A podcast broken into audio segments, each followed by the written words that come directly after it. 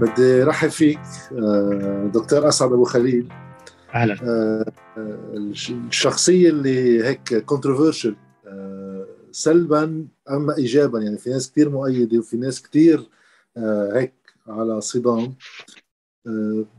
رح نحكي بالسياسي بالواقع اللبناني والواقع شوي الأوسع من لبنان بس دائما بحب بلش بالحديث عن الشخص وتجربته كواحد يفهم شوي الوعي السياسي شو العوامل اللي أثرت فيه.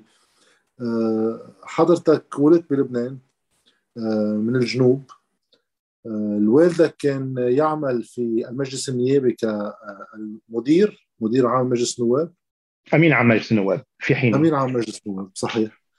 وتلقيت دراستك في بيروت مع شهادة بالعلوم السياسية من الجامعة الأمريكية وغادرت الولايات المتحدة حيث عملت الدكتوراه.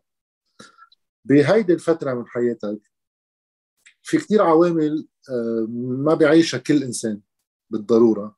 اولا إنه والدك يكون على قرب من السياسيين في لبنان من الحياة البرلمانية بين مزدوجين.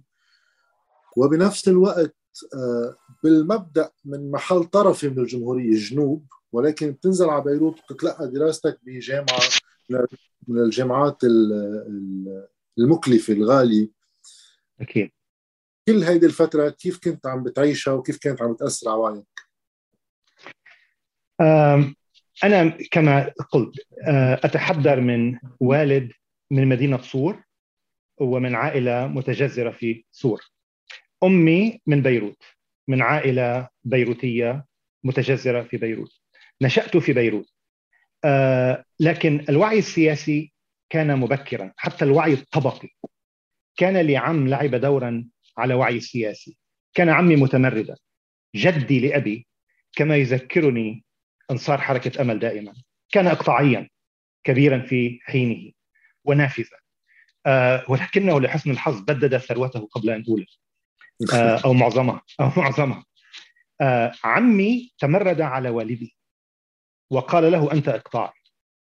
وترك المنزل مرات عديدة والتحق بحركة قوميين العرب ورفض إصرار العائلة بأن يدرس الطب في الجامعة اليسوعيه باشر بالدراسة ولكنه تركها فجأة من دون إعلام العائلة وقصد مصر للدراسة في زمن عبد الناصر في جامعة القاهرة. آه وهي نفس الجامعة التي درس والدي فيها في عهد الملكية في القانون.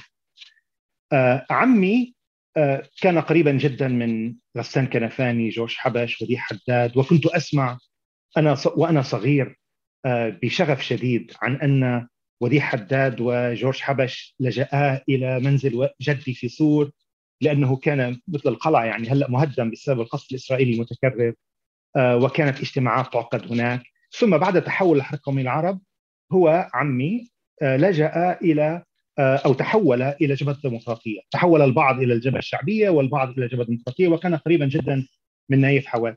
فتأثرت بهذا الجو. يعني كانت القيم العائلة برجوازية ولكن كنت أسمع عن هذا العم المتمرد أه وأذكر أنني وأنا صغير سألته ذات مرة أنه هل صحيح أسمع عنك أنك شيوعي؟ أه فقال لي أنا أكثر من شيوعي فهذه الكلمة كانت لها رنة خاصة تعني التمرد تعني أه الثورة على كل ما هو قائم وحتى على العائلة. هذا هو المكمن عمي آه والطريف أن عمي مات قبل بعد بضع سنوات في باريس كان يعمل في الأونسكو وكن وكان يتصل في من باريس. وكنا نتشاجر ونتصايح على الهاتف لأنه هو مثل الكثير مثل يساريي المرحلة القديمة. أصبح له عداء شديد وحاد ضد حزب الله. آه وكان تقريبا يعني جو اليسار الديمقراطي. وكنا نتصايح على الهاتف. وفي آخر وآخر سنوات من حياتي قلت له لنكف عن الحديث في السياسة لنتحدث عن العائلة. أريد أن أطمئن على صحتك على العائلة ونتحدث في بسط الأمور لأنه مثل العادة أتهكم وكان يقرأ جريدة لوموند والحياة كل يوم. فكنت أقول له أنت متأثر بالدعاية البروباغندا السعودية وأنت الذي كنت تحكم العرب؟ وهو كان يقول لي أنت كيف يمكن أن لا تكون ناقدا لحركة دينية وغير ذلك؟ فهذا كان الجو فأنا تأثرت. لكن ميل عمي لنايف حواتمة الذي كان أول من طرح الخيار الدولتين لم يكن يرق لي ولم يكن يروق لي أو لإخوتي. فكنا من أنصار جورج حبش وكنت شديد الإعجاب بجورج حبش. إيه تفضل. بدي اقاطعك بسؤالين. أول سؤال آه يمكن يكون مش مهم هيك عرضي بس هلا انتبهت له انت عم تحكي. آه آه ليش باللغة النحوية تتحدث؟ ثاني آه سؤال يمكن أكثر بالموضوع آه اللي له علاقه إنه الأطفال أما الشباب بعمر الصغر مش بالضرورة يتجهوا نحو التمرد لأنه في في نوع آخر من الأطفال صحيح يكون الامتثال هو الباب ل to have pat on the back يعني حدا يقول لك برافو يعني ليش رحت على المحل الثاني؟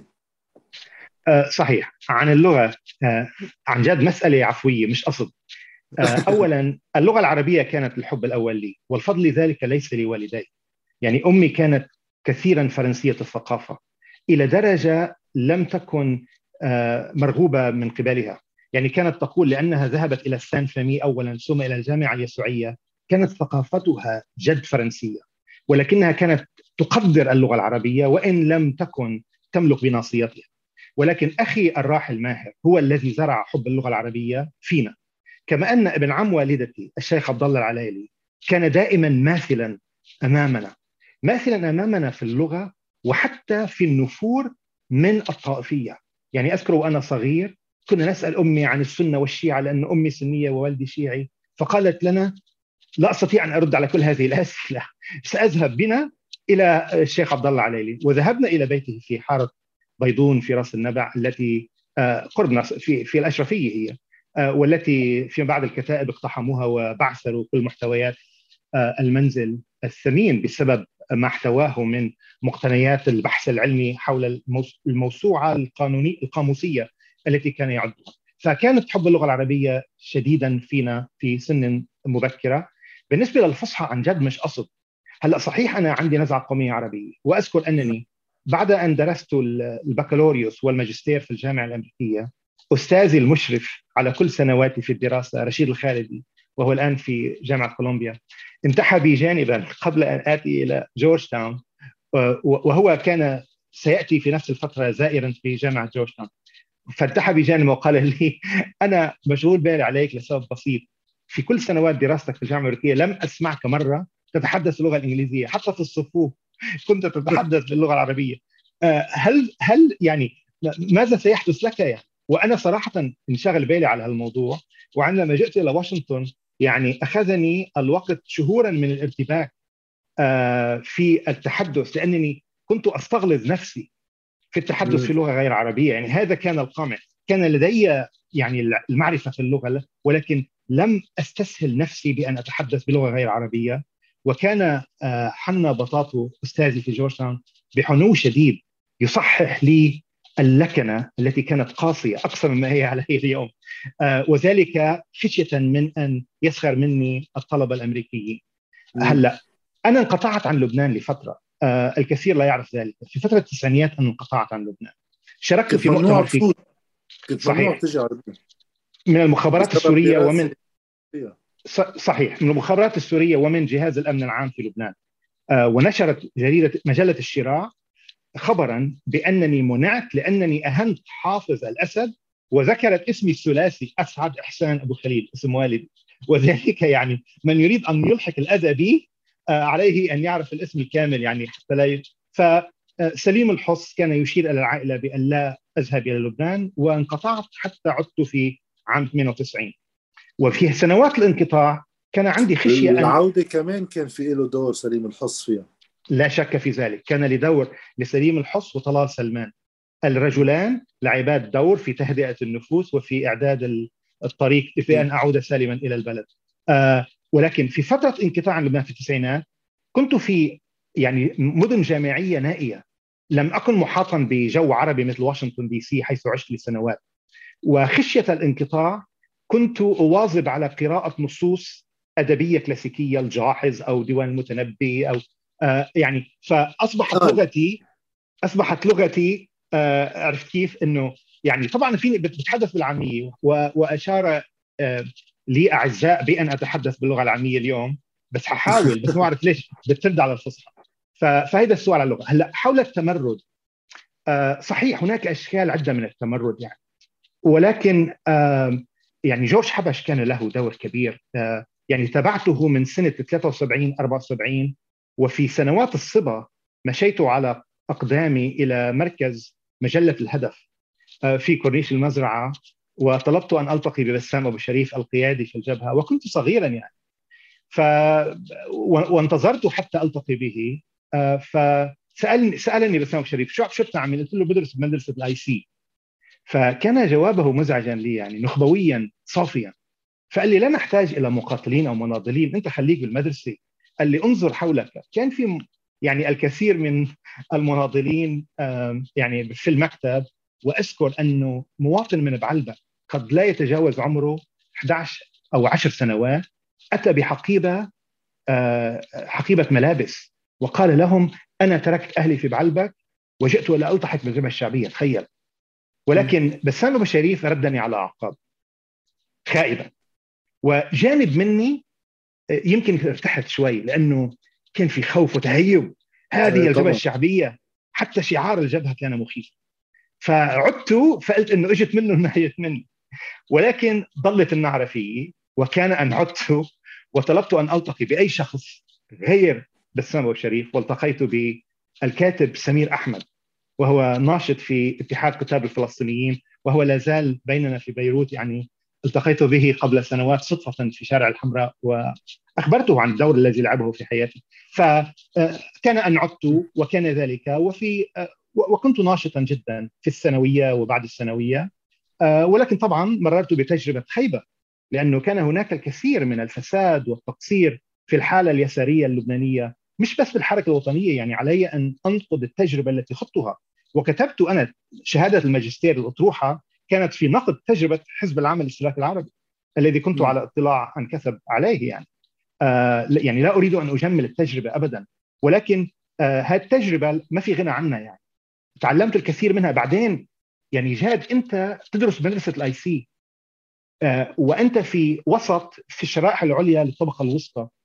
لا تلتقي بفقراء لا تلتقي يعني تلتقي بعمال زراعيين عندما كنا نذهب إلى البساتين التي ليست لدينا اليوم. بس إنه كنا نلتقي يعني نلتقيهم بضمن السلم الطبقي. نزور البساتين في الزهيرية أو في الأماكن التي كان والدي يملكانها. يعني كان هناك عقبات طبقية بيننا. يعني التجربة اليسارية إذا أنت أردتها الثورية لأن الحزب الشيوعي لم يكن يضغط على المثقفين والمدارس النخبه طلاب المدارس النخبويه بأن يحتكوا بالطبقات ليس كان في الحركات اليسارية الثورية مثل حزب العمل مثل الحزب الديمقراطي الشعبي مثل الحزب الثوري مثل رابطه الشغيلي كان هناك إصرار على السلخ الطبقي والجبهة الشعبية السلخ الطبقي. أن عليك إن كنت نخبويا برجوازيا أن تعمل من أجل السلخ الطبقي وأن تتعرف على الطبقات طبعا يعني بضل في فوارق كثير بس إنه الذي أقوله إنه التجربة ساعدتني على معرفة لبنان الآخر. يعني أنا أذكر مرة في مدرسة ال IC صحت بأصدقائي إنه قليل إنه أنتم ولا واحد منكم دخل مخيم فلسطيني. يعني م. هذا أصابني بالذهول. بينما كنت كنت أزور رفاق في مدرسة رمل الظريف والشياح. يعني ماذا أقول لك يا جاد؟ كانت آه كومونات ثورية. يعني رمل الظريف والشياح في تلك الفترة كانت مدرسة. كنت ترى وعيا سياسيا يتفوق على ما كنت عليه على وعي آنذاك وكانوا كلهم يعني يجيدون حمل السلاح ولهم تجارب في مقارعة السلطة. مش مقارعة السلطة على طريقة الانتفاضة قبل سنتين قرع طناجر وهيك يعني. مقارعة السلطة عن جد يعني. وكان هناك خطر جسيم في مواجهة السلطة التي كانت تقصف المخيمات الفلسطينية بالطائرات يعني حتى لا ننسى تلك الفترة. فكل ذلك كانت تلك الأجواء. وفي المدرسة الثانوية حدث أن صديق لي لا أنساه وهو الرفيق عزيز وهو رجل أعمال اليوم في بلد من بلدان العالم ودق على منزل على منزلي في ساعه متاخره وقال لي علينا أن نذهب. وركبت دراجته النارية معه ودخلنا منزل في شارع الحمراء. وكان أن أجد أمامي جورج حبش. يعني كانت كان هذه كانت أول مرة بتلتقيه؟ أول مرة في حياتي. كنت في المدرسة الثانوية وكنت أحاول أن لا احضق فيه بصورة مفضوحة يعني. لكثرة ما كان يعني كان مصدر إعجاب وإلهام لي يعني. كانت صورة جورج حبش فوق سريري. ف والقصة كانت إنه جورج حبش كان يقصد طبيب أسنان في شارع الحمراء. سرا طبعا. كل زيارته الطبية كانت سرا. وصدف أن طبيب الأسنان كان والد لزميل دراسة لي في مدرسة ال IC وكان وكان التلميذ ذا ميولا كتائبيه وكنا يعني نقوم بمعرض كتاب في المدرسة ال IC وهو قال إنه علينا أن نقبل بأن نعرض كتب منشورات دار العمل يعني حزب الكتائب اللبناني. كان ذلك في عام 77 يعني. بيروت غربية وبيروت شرقية. وهذا الأمر اثار أثار استهجاني يعني. وأنا لم أكن يوما من أنصار الديمقراطية وحرية مطلقة. هذه لم تكن ابدا تستهويني في يوم. ولا تزال. ولا تزال طبعا طبعا. فقلت لت... فقلت للتلميذ فادي وهو اليوم على فكرة طبيب معروف في مدينة من مدن أمريكا يعني وله أبحاث عن تأثير آه عن تأثير ال... الكافيين على الصحة العامة. هلا في تواصل انت لا لا ابدا ما في تواصل ابدا. لا لا لا أنا بالأمور السياسية ما في مزح. مني يعني آه إبراهيم الأمين صاحب جريدة الأخبار وجزيف سماحه كانوا يعني لهم صداقات على المقلب الآخر. أنا لا لا مش هيك مش هيك. آه ف فقال لي جورج حبش فأنا قلت للتلميذ إنه لن اسمح ومن أنا يعني بس إنه كنت وقتها يعني أرى أنني ممثل سفير الثورة على حرم مدرسة ال IC. وفيما بعد على الجامعة الأمريكية. فقلت له لن أسمح بأي منشورات انعزالية نحن نمارس عزل حزب الكتائب بصورة قاطعة. وك... ويعني وكان كلامي طبعا قاطعا أكثر وربما أكثر عنفا. كلاميا كلاميا. فهو يعني ذهب واشتكى إلى والده واشتكى والده إلى جورج حبش وجورج حبش فقال لي أن أخفف عن التلميذ و فقلت لجورج حبش تصور غرور الصبا يعني. أنا أتحدث مع رمز للثورة العالمية في حينه. يعني أنتم في جيل لا تذكرون ذلك بس جورج حبش كان في الستينات والسبعينيات رمز الثورة في العالم يعني كانت تصوره حتى في أمريكا اللاتينية في مرحلة خطف الطائرات وكل ذلك. فقلت لجورج حبش اسمح لي رفيق في أمور الثورة ليس من واسطة بين ليس هناك من واسطة. وتقبل كلامي بكل رحابة صدر آه ما عامل ما عامل قصة. لا ابدا ابدا. هذا. جورج حبش عن جد يعني. تعرفه عن كسب من القلة الذي لا تكتشف عنه وعن حياته الخاصة أي شيء ما ينفرك ولا ولا شيء. يعني أنا حتى مرة كنت في كندا وسألت رجل قريب جدا منه كان سكرتيره لسنوات طويلة. فقلت له كل هذه السنوات هل كشفت ضعفا ما؟ نقطة ضعف؟ قال لي ولا شيء. هو كما تتصوره بالمثالية الطهرانية التي هو نشأ وتربى عليها طيلة حياته. أطلت الحديث. على فكرة لا لا بالعكس. قطعني قطعني عندما تريد لا لا أنا أنا وحذروني الأقربون آه، لا والاقربات لا أنا في ألا عم أشك. جرب آه، اخذ الم... يعني ياخذ الحديث المسار اللي لأنه هون حديث شخصي عن تجربتك. صحيح صحيح. آه، إذا واحد بده يحكي عن لأنه ذكرت هون صرنا بال 77 بدأت الحرب بلبنان. بل 75 قديش؟ إيه آه، بس آه، كانت قد. إيه. آه، قديش واحد خصوصا بالأوساط اليسارية آه، كان وربما لا يزال عند كثير من الأوساط اليسارية في مثل نظرة رومانسية للطبقات الاجتماعية. يعني في نظرة رومانسية للفقير وكأنه الفقر بحد ذاته يجعله انسانا جيدا. وإجت الحرب فرجت إنه آه، وقود الميليشيات كلها غربية وشرقية. إجت من الفقراء. واللي آه، كان ببداية الحرب عند الأطراف اليسارية الثورية بيناتهم إنه هذا اللي عم بيصير هو بداية ثورة. وهلأ بنلاحظ بعد انتهاء الحرب الأحزاب اللبنانية تعتمد بشكل أساسي على كميات كبيرة من الفقراء. صحيح. آه صحيح. يعني آه كانت الأحزاب اليسارية تستغل الأفراد البرجوازيين مثلي ومثل غيري كي يعني يزرعوا فيهم عقدة ذنب. حول الطبقة التي ولدوا ونشأوا فيها. وكنا آه تغلبا على ذلك يعني نحاول ممارسة نوع من ال- التواضع المصطنع طبقيا مع الفقراء في المنظمات. ومعظمهم من الفقراء. هلأ بأمريكا في كثير منا عند البيض الليبراليين بطريقة تعاملهم مع السود وكأنه تماما. شيء مشابه شيء مشابه. لكن لكن للأمانة في في الوسط الثوري أنا ما كنت بصفوف يعني ما كنا نسميه الماركسية الأرثوذكسية حزب شيع منظمة عمل. إحنا كنا في اليسار الثوري يعني الذي كان لا ينظر آه، بأي إعجاب لكمال جنبلاط لياسر عرفات بالعكس كنا شديدي الانتقاد وكنا في جو يعني نحن ضد حتى الاندواء في الحركة الوطنية إنه الحركة الوطنية مصدر افساد يعني حتى ادخلوا بعض الأحزاب الثورية مثل حزب العمل ويعني وانتشر الفساد. يعني كان الإغراء مادي كبيرا إنه تدخل في الحركة الوطنية وتتلقى مبلغا شهريا مقطوعا كحزب أو كمنظمه وكنا ننادي بأن نخرج من صفوف الحركة لأنها إفسادية ايديولوجيا وعقائديا آه، وغير ذلك. هلأ آه، صحيح ما تقوله ولكن كنا أكثر وعيا لذلك، يعني كنا نلتقي مع أفراد في منظمات شيوعية ثورية من الفقراء وكانت لهم نزعات دينية تزعجنا. وأذكر يعني كذا مرة يعني أنا شخصيا كنت أختلف معه وكنت أقول التثقيف الماركسي يجب أن يشدد مش على طريقة الحزب الشيوعي بأن لا نتطرق إلى الدين بأن نتصدى إلى الدين وأن نقرأ آه، نصوص ماركس وإنجلز عن الدين وضد الدين. آه، تصدي للدين حتى بالمعنى الإيماني الفردي ولا طبعا طبعا طبعا. حتى الايمان الفردي. إيه آه. كنا نقول يعني أنا كنت من فئة نقول بأنه يجب علينا زرع العقيدة الماركسية اللينينيه كما هي. وكان هناك نصوص مترجمة من قبل العفيف الأخضر تحول إلى ليبرالي تطبيعي مخيف في سنواته الأخيرة. آه، وترجم بعض النصوص ترجمها عن الفرنسية. آه، وكنا نقرأ تلك النصوص وكنا ننادي بأن يتم التثقيف حول ذلك. لكن الأحزاب كانت تخاف جدا من مسألة الدين.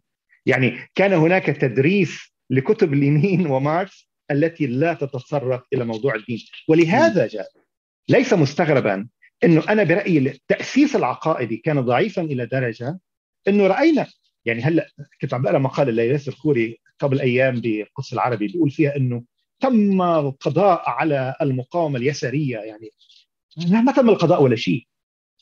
أحزاب اليسارية أفرادها هجروها هجروها تلقائيا. يعني من وقت الاجتياح 88 بس يمكن هيك يمكن هيك القضاء عليها صح؟ لا هجروها هجروها زرافات ووحدانا هجروها كلها. هن راحوا. كانت الناس تفتش على ناس تاخذ منه الأدبيات الشيوعية. أنا مكتبتي الشيوعية والأدبيات جبتها من أحزاب شي... أفراد شيوعيين. كانت تشوف ب... قبل الاجتياح الإسرائيلي تشوف على مكبات الزبالة بكورنيش المزرعة حرائق مستمرة. كنا البعض نروح ناخذ ما نستطيع أن ننجو به من دون آه، يعني حريق من كتب وأدبيات وغير ذلك. الناس تركت تركت الأحزاب. حركة أمل. مين كانت لما صعدت آخر السبعينيات والثمانينيات؟ مين كانت؟ كانت من الأحزاب الحركة الوطنية. هني هجروها وراحوا. مش إنه إجت مؤامرة والياس الله كان عم بعد على عملية يا لطيف وما خلوه. لا مش يعني هيدي خبرية مضحكة. وهيدي السردية طلع فيها اليمين الرجعي المرعي من الحريري والسعودية لحتى يضربوا فيها المقاومه الرهيبه التي لم يسبق لها مثيل. في تاريخ صراعنا مع إسرائيل التي حاربت إسرائيل 33 يوما. يوما! إسرائيل لا تزال تزهو بنصرها على ثلاث جيوش عربية في ساعات ساعات. مقاومة من جنوب لبنان متطوعين مش جالي إيرانية متطوعون متجذرون في الأرض أكثر من كل أصحاب السيادة في لبنان. هؤلاء صدوا العدو على مدى 33 يوما ولم يتقدم العدو بوصة هذه بوصة المصرية يعني بعتقد إنش. آه انشا واحدا على أرض جنوب لبنان. ويقولون عن هؤلاء إنه جالي إيراني فشلوا. طيب رح رح أحكي بهول شغلتين هلا. في شغلة حكيت فيها عن انتفاضة من سنتين وفي هلا موضوع المقاومة. آه، من المواضيع الإشكالية دائما آه، كيفية التطرق لموقع حزب الله بالبلد بالحياة السياسية طبعا. خصوصا عم نحكي تحديدا آخر سنتين وقتها إذا للبد سابقا وأنا مش من هذا الرأي بس في ناس من هذا الرأي إنه سابقا في واحد يعتبر آه إنه في الدولة بمحل والسياسة والحياة السياسية بمحل والمقاومة بمحل تاني وبتشتغل شغل تاني. يمكن حتى المقاومة وحزب الله ارتضوا هذا الأمر بالتسعينات وقت أيام السوري وبعدين صار في شكل آخر لهالعلاقة مشاركة آه، طفيفة بالحكم ولكن عدم الانغماس بالتفاصيل السياسية قدر المستطاع. هلا أنا رأيي الشخصي إنه هذا آه، له حدود ما في ما في يتخطيه توقف عنده لأنه ما في مقاومة تستمر وتنجح من دون مشروع دولي على حد علمي. يعني أنا إذا بدي آخذ نقيضين نقيضين ايديولوجيين يمكن. اللي صار بكوبا هونيك في مقاومة على نظام. لو لم تتحول بآخر الخمسينات إلى سلطة كانت راحت إما على اقتتال داخلي غير متناهي إما على آه، تماس من الحياة السياسية وكان رح يروح على إشكالات. أما واحد يروح قبل كم سنة لورا تجربة دغول كمان ضد النازية. لو ما صار مشروع سلطة كان في يروح على شيء ثاني شو هي كيف في يكون في مقاومة من دون مشروع دولي سلطة؟ بتصير يعني هو مضبوط. التجارب التاريخية الحركة التي تحرر الأرض من الاحتلال الخارجي الإسرائيلي مثلا ها تستولي على السلطة. بدك أنت حزب الله كان يستولي على السلطة بال 2000 أنا ما كان بدي. يعني عندهم مشروع دولي بس أنت ما بدك إياه وأنا ما بدي إياه. فالحزب قرر إنه ما بده يستولي على الدولة لأنه في محاذير طائفية بلبنان والحزب تركيبته طائفية وعقيدته دينية طائفية فلا يستطيع. فوصل إلى ارباك لم يستطع التعامل معه. يعني هو الحزب أنا برأيي كان يحق له أن يستولي على السلطة بالقوة ولكن لا أريد أن يفعل ذلك بسبب موقف العقائدي أنصار الحزب كانوا يقبلون بذلك ولكن مرحلة حسن نصر الله كان لها وعي بالتركيب اللبناني غير ما كانت عليه قبله قبله. آه، هلأ هن قرروا أنا برأيي قرروا تركيبة نافرة و, و ومتهافته إنه شو بيعملوا؟ قال إنه هن مش بالسلطة بس بالسلطة. ما بتزبط. ما بتزبط. لا ومش بس هيك. امعنوا في دخول السلطة بآخر سنتين؟ باسوء مرحله في تاريخ السلطة وبدهم انه نعاملهم إنهم مش بالسلطة. ما بتركب. أنتم هالقد دخلتوا بالسلطة. وعندكم التحالف مع بري. يلي واحد من رموز الفساد في لبنان شريك لرفيق الحريري وتريدون منا إنه لا إنه أنتم نبرئكم. وأن نصدق إنه حسن فضل الله بعده عم يدرس سرا ومليا ملفات الفساد في الدولة. يعني هيدي اهانه لذكائنا أنا برأيي لو تسألني رأيي طبعا ما حدا بيسألني رأيي من منهم هن يعني. بس أنا رأيي ما كان لازم يدخل للسلطة. أنا على قناعة. أنا طبعا آه، اللي بيتابعني بيعرف. أنا من أنصار نظرية المؤامرة وأقول إنه علينا بالمزيد من من ال ال ال الإيمان بنظرية المؤامرة، المزيد منها وليس القليل.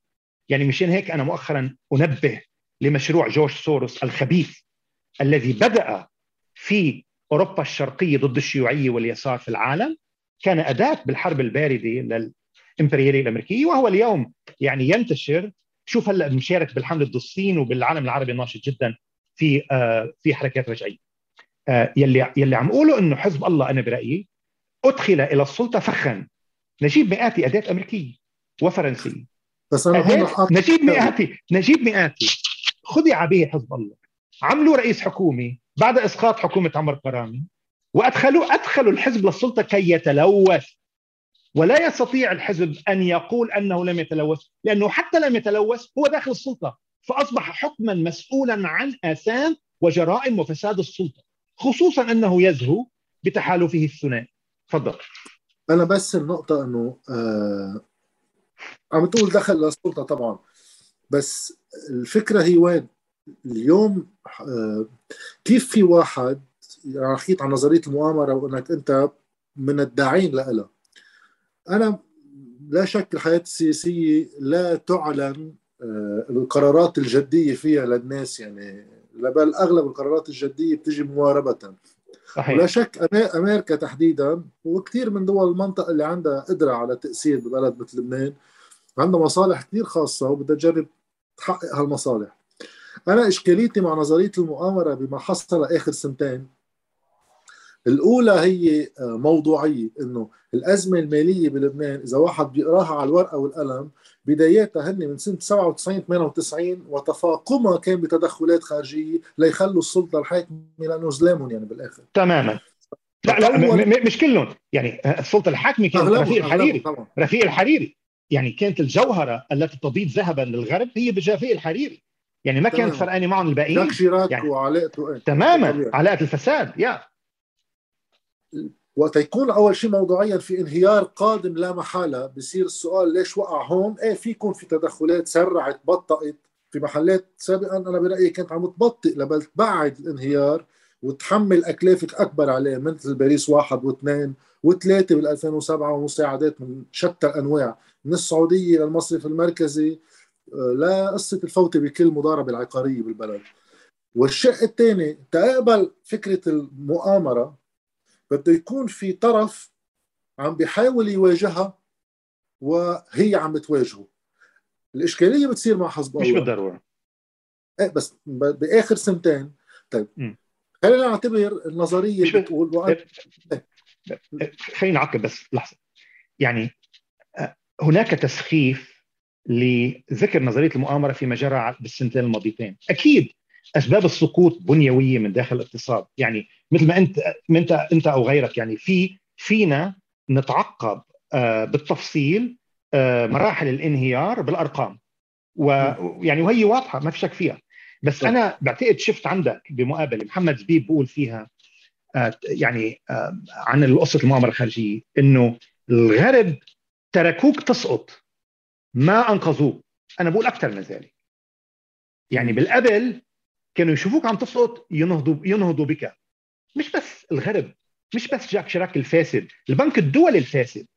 البنك الدولي الفاسد يلي كان دائما إلى صف رفيق الحريري. يعني بعدنا ما بنعرف العلاقة المشبوهة بين جيمس ويلفنسون رئيس البنك وبين رفيق الحريري. رفيق الحريري فساده كان مستشري. يعني رفيق الحريري كان موظف مرته لريتشارد ميرفي المسؤول عن الشرق الأوسط بوزاره الخارجيه يعني نحن بنفكر إنه الغرب بمنع عن الفساد. لا في فساد مستشري. رفيق الحريري وظف ريتشارد بيرسي موظف عنده يلي كان رئيس الشؤون الخارجية بمجلس الشيوخ الأمريكي. لهالدرجة في فساد حريري كان بواشنطن. أنا لمسته لما كنت عايش هنيك يعني عرفت كيف؟ اللي بدي أقول لك اياه أكثر من ذلك. إنه الغرب مش بس ترك لبنان يسقط. لا لا لا. الغرب والخليج ركلوا بلبنان.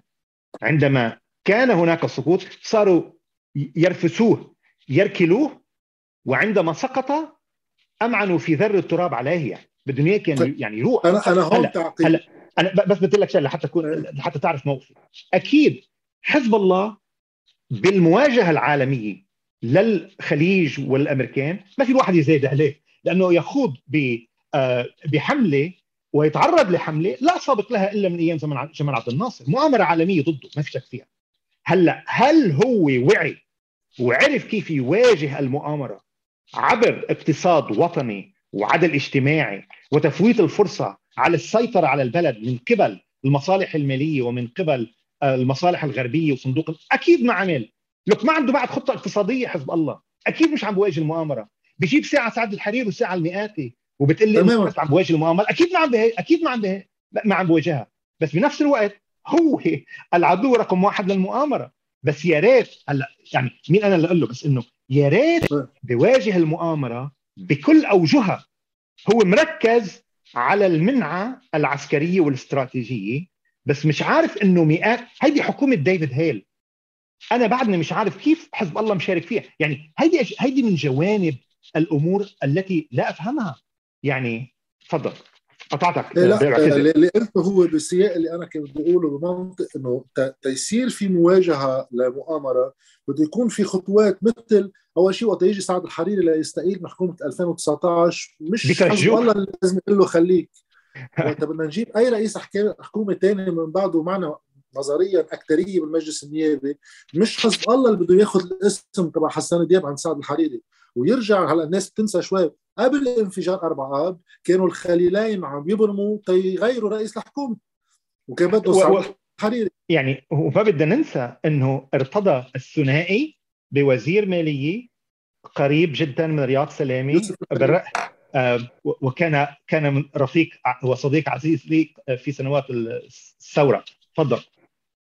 إيه بقى آه، من هون الإشكالية اللي بتردني على السؤال الأول من هون بنوصل إنه لا يمكن لأي منظومة دفاع عن بلد معتدى عليه إنه تقدر تستمر من دون إشكاليات كبرى إذا ما صارت مشروع دولي لأنه المقاومة والدفاع بكل أشكاله منه بس صواريخ هو مستشفيات لا لا لا لا لا.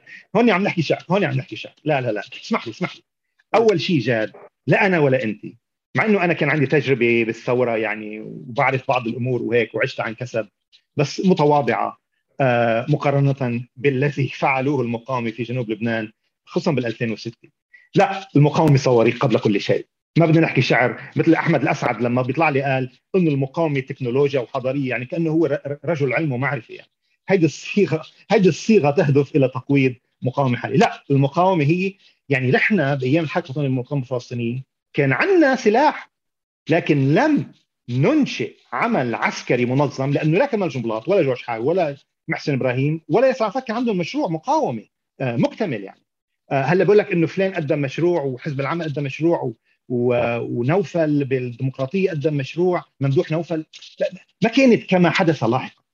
لا المقاومة إذا بدك تقول لي دولة وما دولة بدك تقول لي أول أول شيء بدك تقول لي إياه منين بدك تجيب السلاح؟ مين حيعطيك السلاح؟ عندك بديل عن إيران؟ أنا ب... يا ريت. أنا بدي بديل عربي. بدي يكون السلاح ممهور بالخط العربي الثلث. أو الكوفي حتى. أكيد بدي. بدي هوية عربية أكيد أكيد. بس قبل ما نحكي إنه لا أنا ما عندي مشكل عربي ولا يعني بس هذا كلام إنشائي. لا بعدين إنه الدولة المدنية بتحميني. كيف بدها تحميني؟ كيف بدها تحميني؟ بس أعطيني مثال. عندك دول بكل العالم العربي كلهم فشلوا. الدول العسكرية فشلت الخليجية مش ما حاولت ما, ما نحكي فيها هذيك هذيك دول استبداد توتاليتارية مخيفة خصوصا الإمارات. أكثر دولة توتاليتاريه بتاريخ العالم العربي. قاطبه قاطبه آه فانه بدنا نحكي بالدولة المدنية. معلش نحكي فيها معلش ما عندي مانع. مثلا يعني مشروع حركة مواطنون آه، بحديث عن الطباب الشامله المجانيه والمدارس والاستشفاء كله جميل جميل. بس ما في جواب بعد من حدا كيف بدك تعطيني بديل أفضل من الموجود حاليا. مين بدك يعبئ ناس يخليهم يتبرعون بدمهم في مقام مين مين بده يعملها هاي؟ مين؟ جوزيف عون أو هالمصادر من, هال... من من هالنوع أكيد لا يعني. أكيد بس لا. بس أو رجل مدني؟ أنا مرة وامراه مدنية؟ لا. عملوا هيدي مش المدني هو ما يعني هو شيء آخر. هلا رح نحكي في الشق إيه؟ المدني. بس الفكرة هي إنه وقتها أنا عم نوصف مشكلة النظام اللبناني اللي مشاكله عويصة.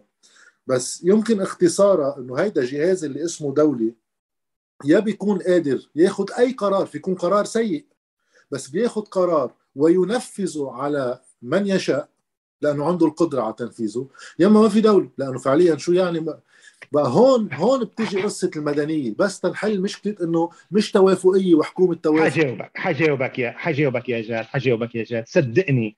أنا بتعرف كنت من أكثر الناس اللي كتبوا في مديح شرب النحاس وغيره بس هلأ المحك. عنا حرب أمريكية إسرائيلية خليجية ضد لبنان. لك ما طلع بيان من مجموعة مدنية ضد اللي عم بصير. بيان واحد ما طلع. فرضوا قمع لحريه التعبير ببلادنا. لا طلع بيان من الحزب الشيوعي طلع بيان من حكم المواطنين والمواطنات من دول خليجية عم تقول لك شيل وزير الخارجية. شيل وزير الإعلام. آه عندنا مذكرة بدنا نمنع أعمال إرهابية بالحرف هيدي صيغة الورقه الكويتية ضد إسرائيل. عن مين عم يحكي مين عم يعمل اعمال إرهابية من لبنان؟ مين؟ آه وما في قوة مدنية طلعت لحتى تعطيني مصداقية لحتى أنا أيدها لحتى ترد عليهم. وبدك تقول لي هيدول. يعني إذا بدك تعمل أنت دولة مدنية منيعة وهي تتصدى وتعمل وتقوم طيب بلش من هلأ. احكي على اللي عم يعملوه ضد دولتنا المدنية. هيدي الدولة المدنية إذا بدك دولة مدنية تقوم بمهام المقاومة بدك تبلش من هلأ أنت كحركة لم تصل إلى السلطة بعد. أعطيني أعطيني دليل إنك أنت مستعد أن تواجه العالم. لأنك أنت لو بدك تدافع عن لبنان بدك تواجه العالم كله.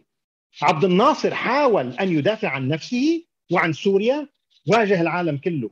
هلأ الحزب عم بواجه العالم كله. ليش؟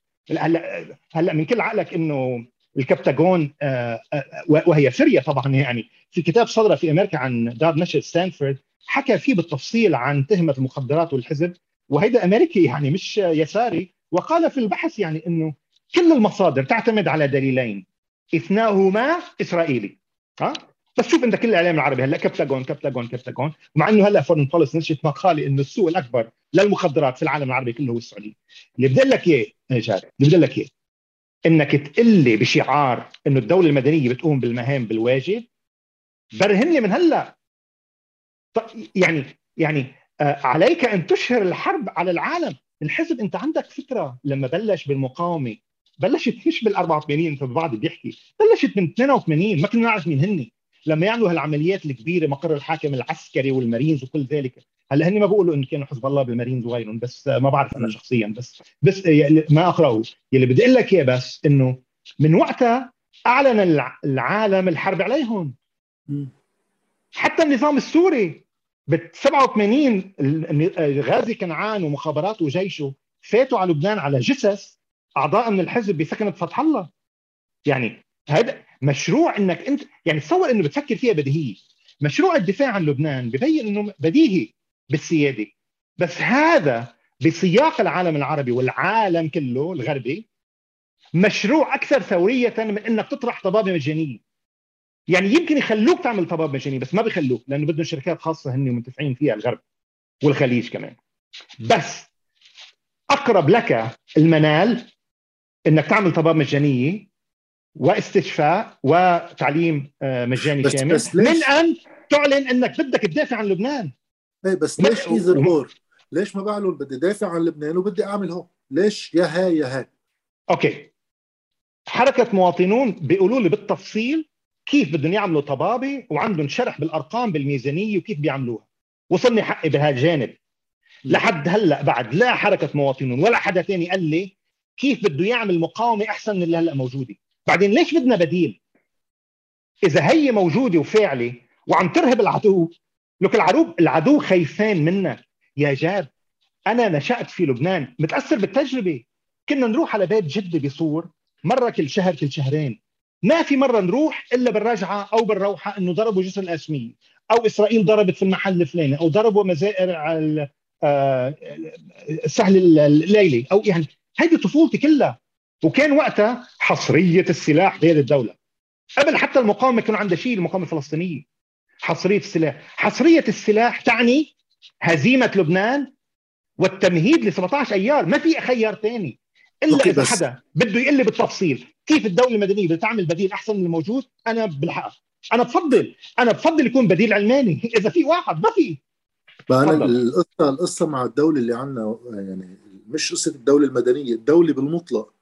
وقت بالمقابلة مع اليسابة عم بيجي يقول خي إنه كيف نحن نحكي اليوم عن دولة بعد من سنة ال 74 ال 74 كان شيء 72 كان شيء طفيف ولا شيء صغير يعني لا يقارن باللي عم بيصير هلأ. ما عندها ولا مرة من خلال أي حزب دخل على حكومة ولا مجلس نياب سياسي بالتسلح سياسة عسكرية أي نوع أسلحة بدي وليش ولا أي نوع من يسمح لي اليسابة يسمح لي اليسابة أنا بحبه اليسابة كشخص مبين عليه حبوب وقريب للقلب وشفت مقابلته معك ودموعه صادقة وغير ذلك. وأكبر فيه أنه بقي أمينا لسليم الحص. الوفاء لسليم الحص صعب. كل الذين كانوا معه خذلوه. خذلوه بالرشوة. ما في مزح يعني. محمد أباني خالد أباني أشرف ريفي كلهم كانوا من جماعة آه، سليم الحص. كلهم هيك بلش. آه، ولكن آه، هجروه. الياس شاب أنا بحب ذكرك والمستمعين لأنه كثار حتى من أوساط التقدمية بحبوه بعد مقابلته معه. كان وزير دفاع بعد فرنجية هو صحيح قدم مشروع اقتصادي مهم. مشروع 1943 اسمه. وذلك بفرض آه، ضرائب على السلع الكمالية. تماما. والسلع الكمالية أول مرة وصارت ثورة من قبل الفاسدين التجار الجشعين والرأسماليين والساسه بلبنان وخلص قضوا عليه. بس كان وزير دفاع في تلك المرحلة وعندنا وثائق أمريكية عن تلك المرحلة يا جاد. كتب أطروحة ماجستير في السويد على بناء على هالمراجع. كتب كتاب جيمس توكر spheres of influence وهلأ في أطروحة الدكتوراه حتكون يعني فيها الكثير مما يدحض الكثير من الأوهام عن آه، فترة ما قبل الحرب وحتى فترة الحرب لنيت جورج في جامعة رايس. وكان المشرف عليه على فكرة أسامة مقدس اللي كان ضيفك قبل أشهر. آه كل من كل هاي ماذا نعرف؟ إنه الياس سابا كان وزير دفاع؟ بتقوم الدول العربية بوقتها بتقدم مشروع سخي جدا بالمليارات في حينه لتسليح لبنان بأسلحة دفاعية. ها؟ وبإنه هن بيتولوا صواريخ ضد الطائرات. تخيل أول مرة بنقدر نقطه الطائرات هي دول عربية؟ الخليجية وقتها والعراق وليبيا. بس معظمها العراق وليبيا طبعا يعني. تقدموا إلى لبنان بمدحة. بيقوم الحكم اللبناني كان مشارك في اليسابه، اليسابه كان كثير قريب من السمافنجيه على فكره كان كثير قريب منه. فبيقوم لبنان بإيعاز أمريكي بالضغط من أجل إجهاض المشروع. وجريدة غسان تويني ليش على فكرة آه، حبسوه ب 73 من وراء هذا. لأنه مراسل النهار وفيق رمضان حصل على مش حصل سرق ملف لوزير الخارجيه فؤاد نفاع وفي ذكر لهالموضوع والرقابة ما خلت نشر الموضوع يعني لحد هلأ هذا الموضوع مش نحكي عنه بلبنان. الحكومة اللبنانية عطلت ب 73 بزمن حصرية السلاح بيد الدولة التعيسة آه، آه، عطلت مشروع لتسليح لبنان وحمايته من إسرائيل. يعني يعني هيدول كلهم سوا كلهم سوا. بما فيهم اليسابه مسؤولون عن الدماء التي سالت لأنه لم يكن لنا سلاح ردع ضد الطيران الاسرائيلي في حين. هيدي أشياء لا تنتسى. هيدي أشياء لا تنتسى. واللي عم أقوله بس لحظة بس لحظة. وهذا الأمر قص على ذلك. من وقت للان شوف وقت ما كان وزير الدفاع علي المر عطلوا منحة روسية من وراء ذلك. وثائق ويكليس فضحتها يعني. تفضل. إيه لا ساعتها بدنا نمشي بواقع الدولي وفعليا دائما خضوع على خطوط حمرة الحق خارجيا وتحديدا الأقوى بيناتهم أمريكا. طيب إذا اليوم حزب الله عم بيشارك بهيدي الحكومات. إذا لا سياسة اقتصادية بيقدر يكون عنده من خلال الدولة ولا وقت يكون جمع أكترية للفريق اللي هو حليفه واللي في إشكالات كثير كبيرة فيه أصلا وتركيبته بيكون عنده سياسة كمان لهالدولة منعتها شوي تتحسن. طيب حتى في خطاب للسيد حسن نصر الله هلأ من كم شهر عم بيحكي فيه عن مآسر السعودية بلبنان وعم يحكي إنه آه جزء من المشكل اللي وقعنا فيه إنه الخليج سحب ودائعه من لبنان. أنا هاي بعتبرها فرصة هذا شيء منيح. أنا ما بدي إياهم يرجعوا هيك صحيح صحيح صحيح صحيح. إذا هالنوع من المعارك مبخوضة بداخل الدولة؟ رح يصير في عندي سؤال هالمقاومه هيدي؟ إيه إيه. إذا ما في عندها غايه بالاخر تعال أقدر حصن مجتمع طيب وشو هي؟ فن للفن مقاومة للمقاومة فقط. وكيف في أنا ابني مجتمع حواليها مش هيك حاجتي للدولة. أوكي. أوكي جوابين جاء يعني المقاومة المقاومة. لا المقاومة لردع إسرائيل. يعني مشي مشي بسيط. يعني مشي بسيط من 48 عندك حركة مش دولة منظمة متطوعون. ما عم ياخذوا فرنك من الدولة. هدول لازم الشعب اللبناني يدفع لهم معاشاتهم عم ياخذوا متطوعون. عم بيقوموا بردع إسرائيل، إسرائيل من ال 2000 لم تجرؤ على العدوان على لبنان مباشرة وعندما حاولت أكلت أكل مرتبة، لم تأكل مثلها في تاريخ، ها؟ يعني مش شيء قليل انه نقول إنه هن مخوفين إسرائيل، لا جوزيف عون ولا أشرف ريفي ولا آه عثمان آه هن اللي مخوفين إسرائيل ولا الدولة المدنية آه المنشودي آه الكهرباء عندك لا لا ماشي الحلقة بتجي إيه إيه, إيه.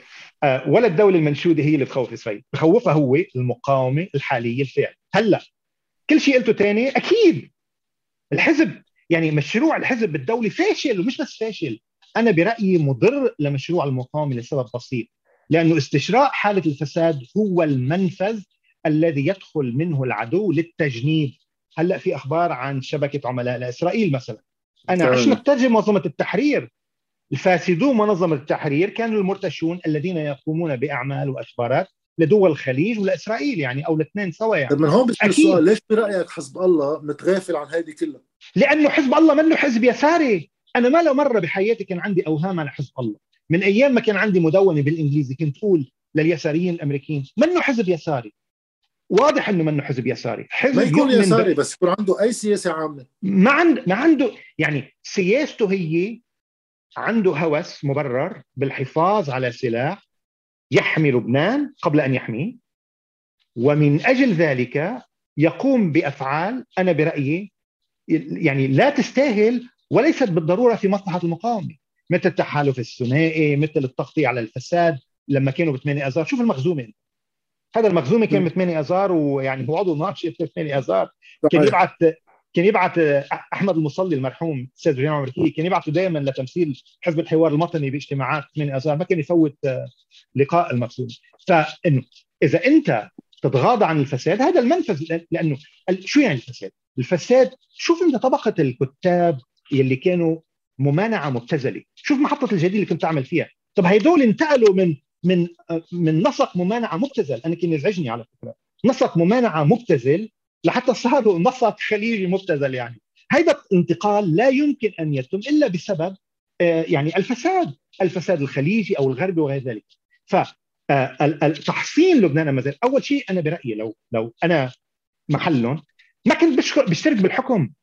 ليس لديكم من فائدة في هذا الحكم. يعني تصور أنا مش فاهم العقلية. يعني هيدي مقاومة أذلت إسرائيل وحاربت العالم ونجحت في ذلك وطردت أمريكا من لبنان لكن بتفكر إنه جملة بالبيان الوزاري ضروريه لحماية المقاومة.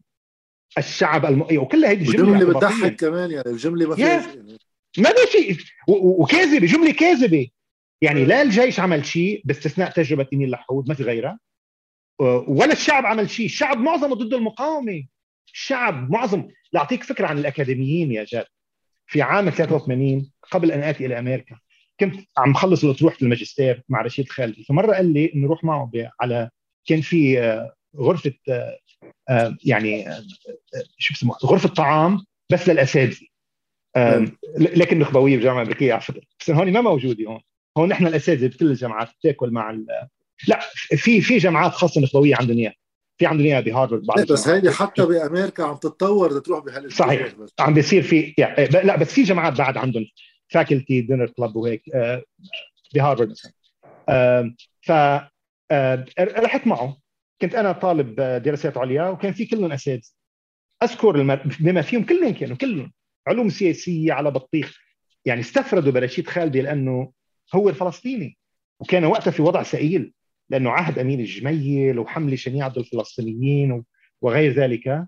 وبلش الأكاديمي اللبناني ايليا حريق اللي كان يعلم بجامعة إنديانا نص سنة بالانديانا ونص سنة بالجامعة الامريكيه فصار يقرعوا لرشيد خالدي يقول له شو هالمقاومة اللي عم بتصير؟ ليش عم نحارب إسرائيل؟ شو بدنا بإسرائيل؟ لا يعني نزلوا برشيد الخالدي يعني آآ آآ بس لأعطيك فكرة إنه هيدا جو لبنان يعني ما حدا يقول لي لبنان إنه كنا مع المقاومة قبل السبع أيام كنا مع المقاومة قبل مسار الشباب كنا مع المقاومة قبل 2000 لا ما كنتوا مع كنتوا ضدها رفيق الحريري كان يتآمر ضدها بكل سنواته من دون استثناء.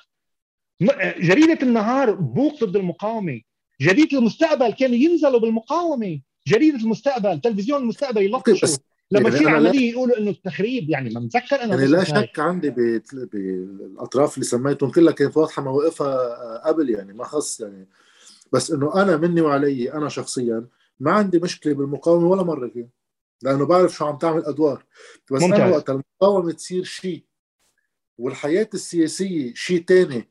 بس في وحدة شريكة بالأولى وبتعطل أي مجرى تقدمي فيها ساعتها بدي أضطر آخذ موقف. ممتاز.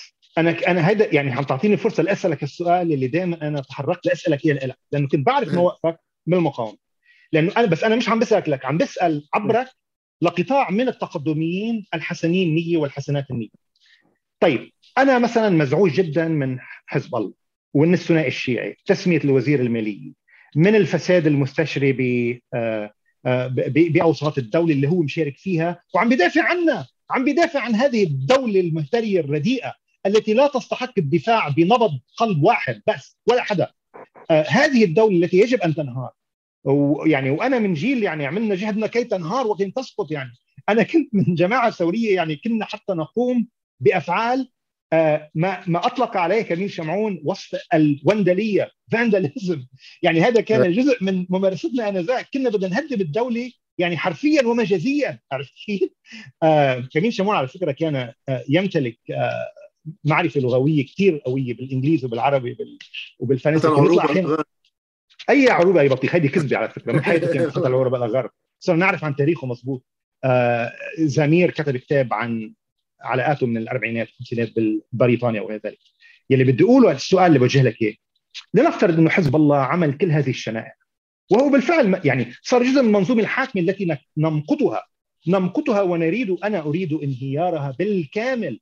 لا أريد أن أنقذ حجرا لهذه الدولة ولا شيء. آآ آآ طبعا من دون بيع أملاك الدولة وغير ذلك إنه هذه أملاك عامة مش لا لا. إيه طبعا. بس بس بس. يلي ما بفهمه كيف تقفز من إنك أنت مش راضي على حزب الله ويعيب الشوم عليهم ومش حالفين مع الفساد وعم بدافعوا عن الفاسدين المتهمين بالمرفأ وعم يعملوا وعم يعملوا. إنه مشان ذلك طب أنا بطل بدي مقاومة إسرائيل. إنه يعني أن تنتقل بطلع شو لحظة أن تنتقل من إنك أنت ضد حزب الله اللي عم يعمل بالساحة الداخلية. لكي تطرح علامات استفهام حتى مش إنه تعاديهم. يعني كأن تقول يعني الخلاصة الوحيدة بتقول إنه لكن إسرائيل يمكن منا شر مثل ما كنا مفكرين. أو بركي إسرائيل إذا نحن ما بنعاديها بتصير منيحة معنا.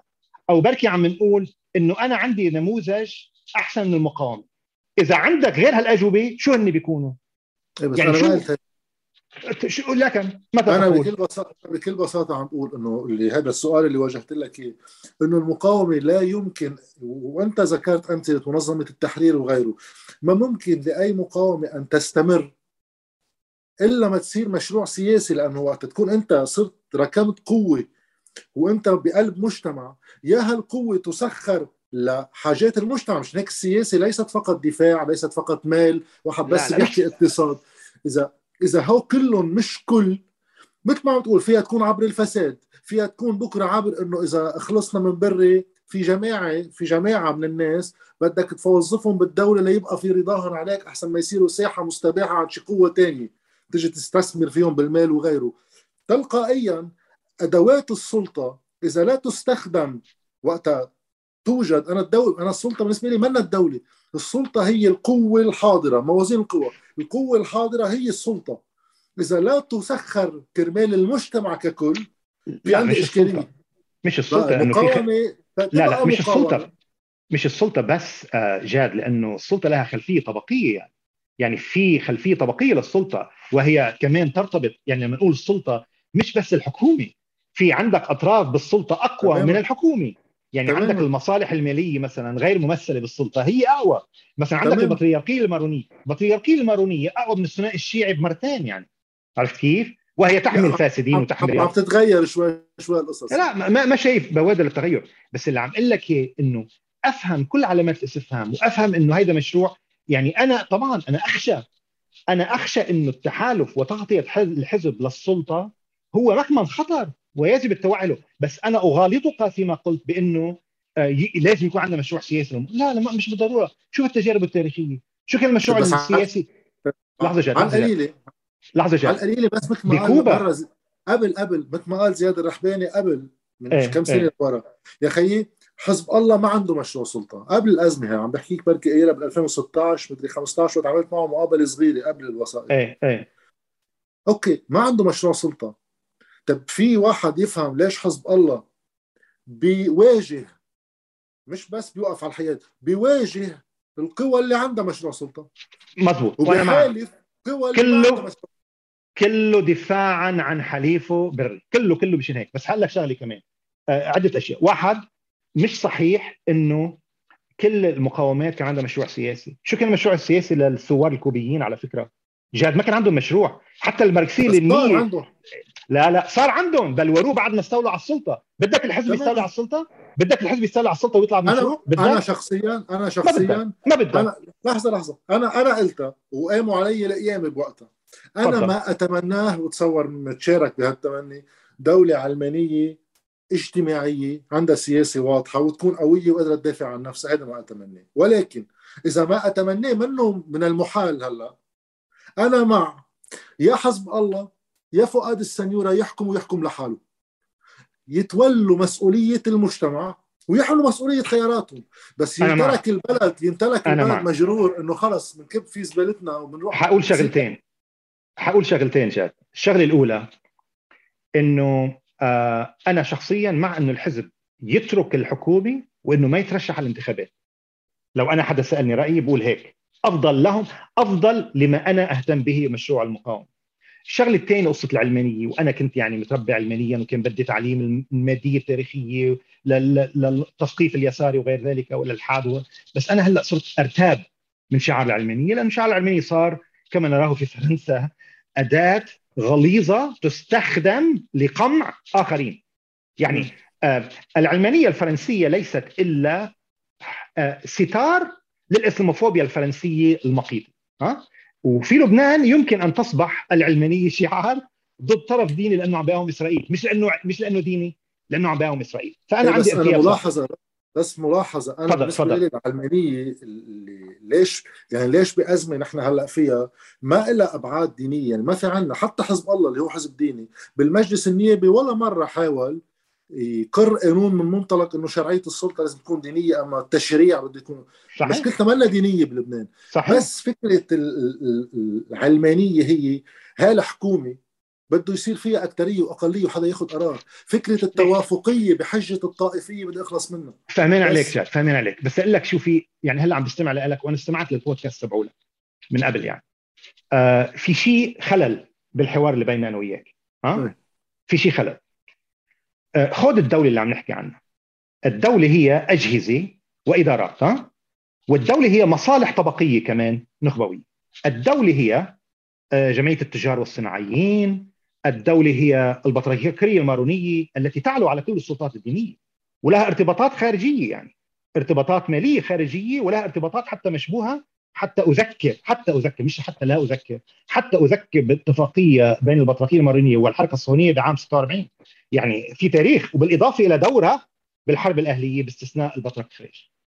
الدولة هي أجهزة الأمن. مين أجهزة الأمن؟ فرع المعلومات مين؟ أمن الدولة اللي هلأ اعتقل واحد لأنه ادعى النبوة. لك السخافة. يعني على طريقة الوهابية بالسعودية اللي بي- بيقطعوا رؤوسهم. آه، الدولة هي آه، الأمن العام. عباس إبراهيم بطل بمحور الممانعة. مثل ما بتعرف آه، راح على ترامب وحج وأثنوا على دوره وقام الدنيا وقعدها على مواطن لأنه يعني لأمريكا وهو ليس مواطن أمريكي على فكرة معه جرين. بس محور. الممانعة يوسطه بهالقصص. كان. يوصف له. أنا أنا أنا محور ما بمثل أنا بمثل نفسي يعني ما حدا يناقشني أنا بما يقوله غيري. أنا فرد. فيك تناقشني بما أقول مش بما غيري يقول. أنا مسؤول بس عن كلامي ومواقفي عباس إبراهيم حسب ما بعرف إنه بطل محور المنع صار في مكان آخر. قريب من الخليج وقريب من من الغرب من أمريكا تحديدا. آه، مين الدولة؟ الدولة هي آه، الجيش. الجيش مع أمريكا. قوى الأمن الداخلي مع أمريكا والخليج. آه، الوزارات الأساسية. المرافق المهمة. كلها يعني شوف أمريكا راح وفد من السفاره الامريكيه على عكار لحتى يستفتي الناس على الانتخابات. يعني ليش نحن بنحكي عن لما نحكي عن الوضع الداخلي نحكي عن حزب الله بس ما بنجيب سيرة السعودية والإمارات وأمريكا وفرنسا يلي هالقد غارقين. لا أنا تبعت البودكاست من قبل. ما في تطرق لذلك يا جاد.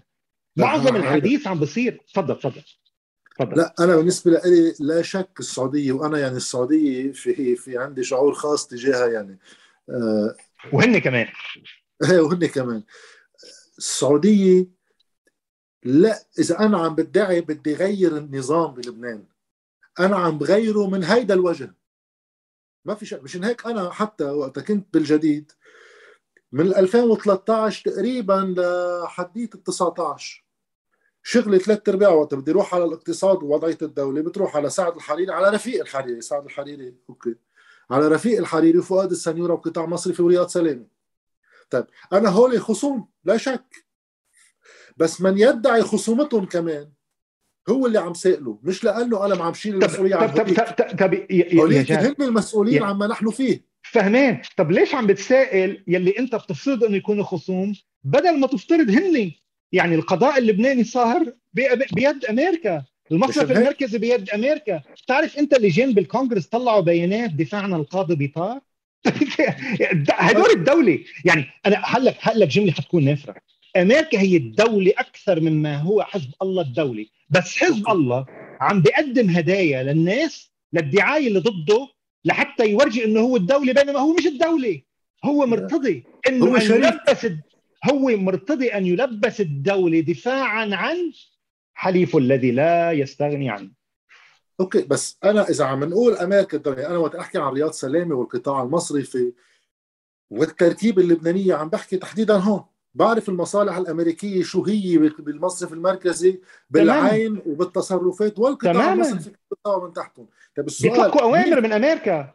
okay مين في بوجههم؟ أنا اليوم ما في حدا. أشوف ما في حدا. ما في حدا.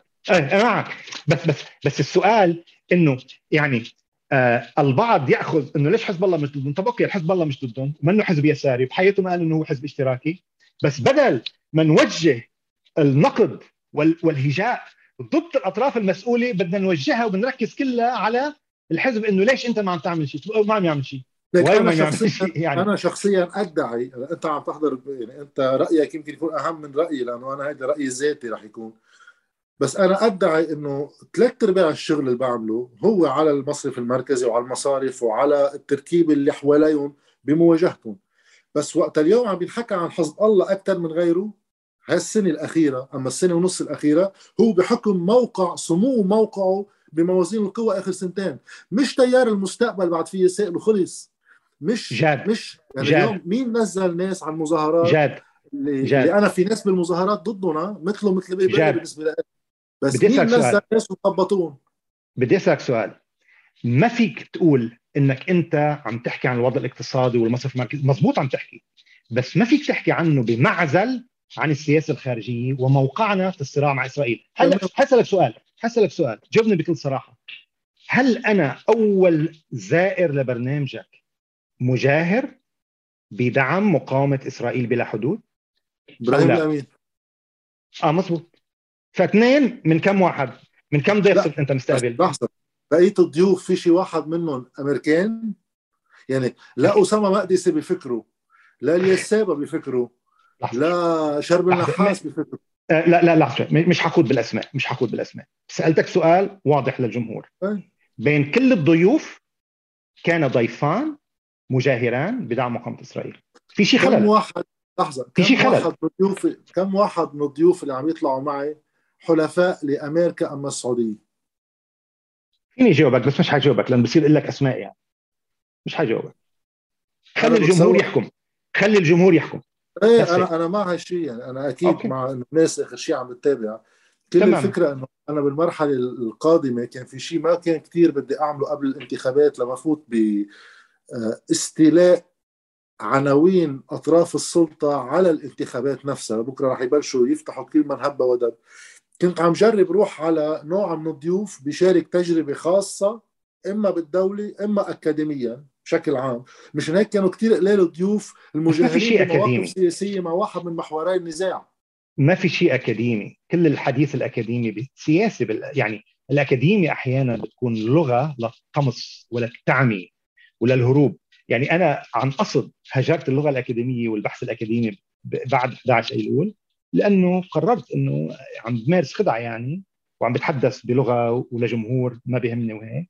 ف بس يعني, يعني الحياد الاكاديمي الحياد الأكاديمي هو انحياز. ما في حياد. وهو انحياز؟ وهو انحياز؟ ها أنا ضد الحياد ماني مع الحياد. اي نو اي نو لا بس عم قلك إيه. اللغة الأكاديمية بسياقنا اللبناني هو انحياز ضد مشروع المقاومة. يعني والأمر واضح لحتى الواحد يستمع يعني للمقابلة. تفضل. تفضل. يعني أنا رأيي إنه الضيوف اللي عم بختارهم هن على عكس ما أنت عم تقول. هلأ ما مين بيعرف مين صح؟ يمكن أنت معك حق. بس مضبوط. خلي الجمهور. خلي الجمهور. آه اليوم بشيء ثاني كمان هيك آه خارجي انحكى فيه آه عن السياسة الخارجية. لأنه عم نحكي إنه ما في واحد يهرب من واقع إنه بلبنان ما في فرق بين الخارجي والداخلي. يعني التداخل كثير كبير. تماما. خصوصا, تماما. خصوصا بتكوين هالقوى السياسية اللي أصلا بكثير من الأوقات بيجي من برا لجوا. تماما. يمكن مثلا الانسحاب الحريري هلأ على الرغم تماما. انه الأحصاءات بتحطه إنه هو الأقوى عند السنة. صحيح. سؤال صعب بس رح أحاول أسألك إياه لأنه يمكن أنت آه، أنا شيك يعني فوضوي اليوم بالتوجه السياسي. من فضل ترجمة لا سلطوي تفضل. لا سلطوي إيه. آه إذا أنت بموقع سلطة بلبنان إذا أنت ومش ديمقراطيا يعني إذا أنت حاكم لهذا البلد كيف بتتصرف؟ أكيد مش حكون دم... أكيد مش حكون ديمقراطي. بتعهد لك أتعهد لك أتعهد للناخبين والناخبات. إيه تفضل. آه، كيف بتتصرف بموقعك بالسلطة من ناحية؟ أنا دائما بالنسبة لي متداخلين بين بعض واقع مالي واقع دفاعي ومن تاني ميلة آه علاقات خارجية. هول ثلاثة كيف لبنان بحدد موقعه وموقفه منهم؟ بالممارسة بالفعل. لا يعني أنا برأيي أي دخول في السلطة هو تلوث. أي شخص بيعتبر نفسه مثقف بيعتبر نفسه إنه هو يعني ضد الفساد بيدخل بهالسلطة هاي هي مشاركة وتغطية بالفساد. يعني أنا الفكرة تنفرني بالوقت الحاضر. أنا مع مشروع إسقاط النظام. إسقاط إيه؟ النظام مش يعني آه يعني أنا مع مش إسقاط النظام يعني إذا إيه أنت أكيد عم- أكيد أكيد أنا مع إسقاط النظام ومع أول شيء أنا يعني ما بدي أقول لنفسي أنا شخصيا ضد توزير أو إيصال إلى الحكم أو حتى حق الاقتراع لكل أشخاص بيحملوا جنسية أجنبية. اثنين أنا صرت من أنصار فكرة إنه كل الوزراء والنواب يجب أن يكونوا خريجي مدارس رسمية وجامعات رسمية. ضد التمثيل الطبقات ال- ال- الميسورة آه، في هذا الإطار. آه، بالنسبة لأسقاط النظام بعد أسقاطه أنا مع آه، مشروع اشتراكي يساري جذري في الاقتصاد اقتصاد وطني متين أوافق على الكثير مما ورد في كتاب حركة مواطنون ومواطنات في هذا الصدد على المدى بتاع ال- التعاون الاقتصادي الاندماج بيننا وبين الشعب السوري بالنهاية الشعب مش نظام يعني النظام بيروح وبيجي في عندنا الشعب بسوريا فكرة إنه نكون هالقد منقطعين يعني فكرة آه هي فكرة غربية ضدنا يعني لأنه الغرب حارب كل مشاريع الاندماج والتوحد بين العرب في تاريخنا يعني المعاصر. آه فهذا مشروعي بنفس الوقت في هذا السياق شوف جاد يعني أنا بقول أي مشروع بنطرحه إذا واحد كان يساري أو تقدمي أو علماني يذهب هباء منثورا إذا لم يرتكز إلى حمايتنا من عدو رابض في جنوب. آه لبنان. على حدودنا الجنوبية. ما ما ما يعني كل شيء. شوف انت كم شوف كم مرة إسرائيل مدمره لنا مرافق للدولة. مرافق خاصة منازل. كل حديث ما له معنى. إسرائيل بتيجي بتدمرنا بلحظة. كل مشروع يجب أن يكون ثانيا للبند الأول. التشديد والإصرار على منعة لبنان أمام إسرائيل. مش منعته بالحكي البلطعمي طبعا طبعا. بنجيب لنا طيارات هليكوبتر إزاز. إزاز! أعطيونا طيارات هليكوبتر إزاز الجيش اللبناني وسموها سلاح جو. يعني تخيل الهبل يعني. بدك جوزيف هون أنت بتوثق جوزيف هون يعمل لك دفاع عن قرية؟ يعني روح على جنوب اسالهم اسالهم أنت. بنجيب لك الياس عطلة أو جوزيف عون أو بنجيب لك واحد من قاده المقاومة يدافعوا عن قريتك لما تهجم إسرائيل. حدا منهم بيرضى بجوزيف عون أو بالياس عطلة؟ ما حدا بيرضى. هلا في إشكالية بالفكرة اللا سلطويه إنه فكرة السلطة بحد ذاتها بتصير مشكلة. بس بنفس الوقت العقل البشري بعد لحد هلا كتنظيم اجتماعي بعد ما لقينا شيء يعني التجربه الشيوعيه يا ريت أخذت غير مسار كان في واحد يقيم شيء ثاني بصير في مشكل. أنا مرة عم بحضر بانتخابات الفرنسية تبع 2016 إذا ماني غلطان. كان في مناظرة بين جان لوك ميلانشون و اذا ماني غلطان ما كان ماكرون كان يمكن في يوم مع حدا ثاني النقاش صار ووصل على نقطة حلوة بيقول جان لوك ميلانشون إنه المشكلة وهو يدعي إنه هو انتلكتويال كمان يعني هيك مثقف. إنه الثقافة بتحطك بموقع يا أكاديمي يعني ثقافي بموقع أكاديمي أما صحافي بحطك بموقع مراقب ومعلق. المراقب والمعلق في يجي يقول إنه آه على فرنسا تقطع علاقتها بالمانيا لأنه الميزان التجاري عم تستغله ألمانيا whatever okay. المشكلة وقتها بدك تنتقل تشيل قبعة المعلق لقبعة السياسي اللي بده يحاول يأثر بواقع موجود. بدنا نزيد على البعد الثقافي موازين القوى ونشوف ما ماذا تتيح موازين القوى. من ضمن المتخيل النظري. فهون بصير السؤال علاقة لبنان مثلا أنا كنت عم أقول لك علاقتي بالسعودية ومنطق هذا النظام بقلب السعودية واللي نفسه كمان يعني واحد كمان يكون منصف بالإمارات بسوريا وبإيران كل هالأنظمة من الأنظمة اللي بتمناها بس عم نحكي عن السعودية.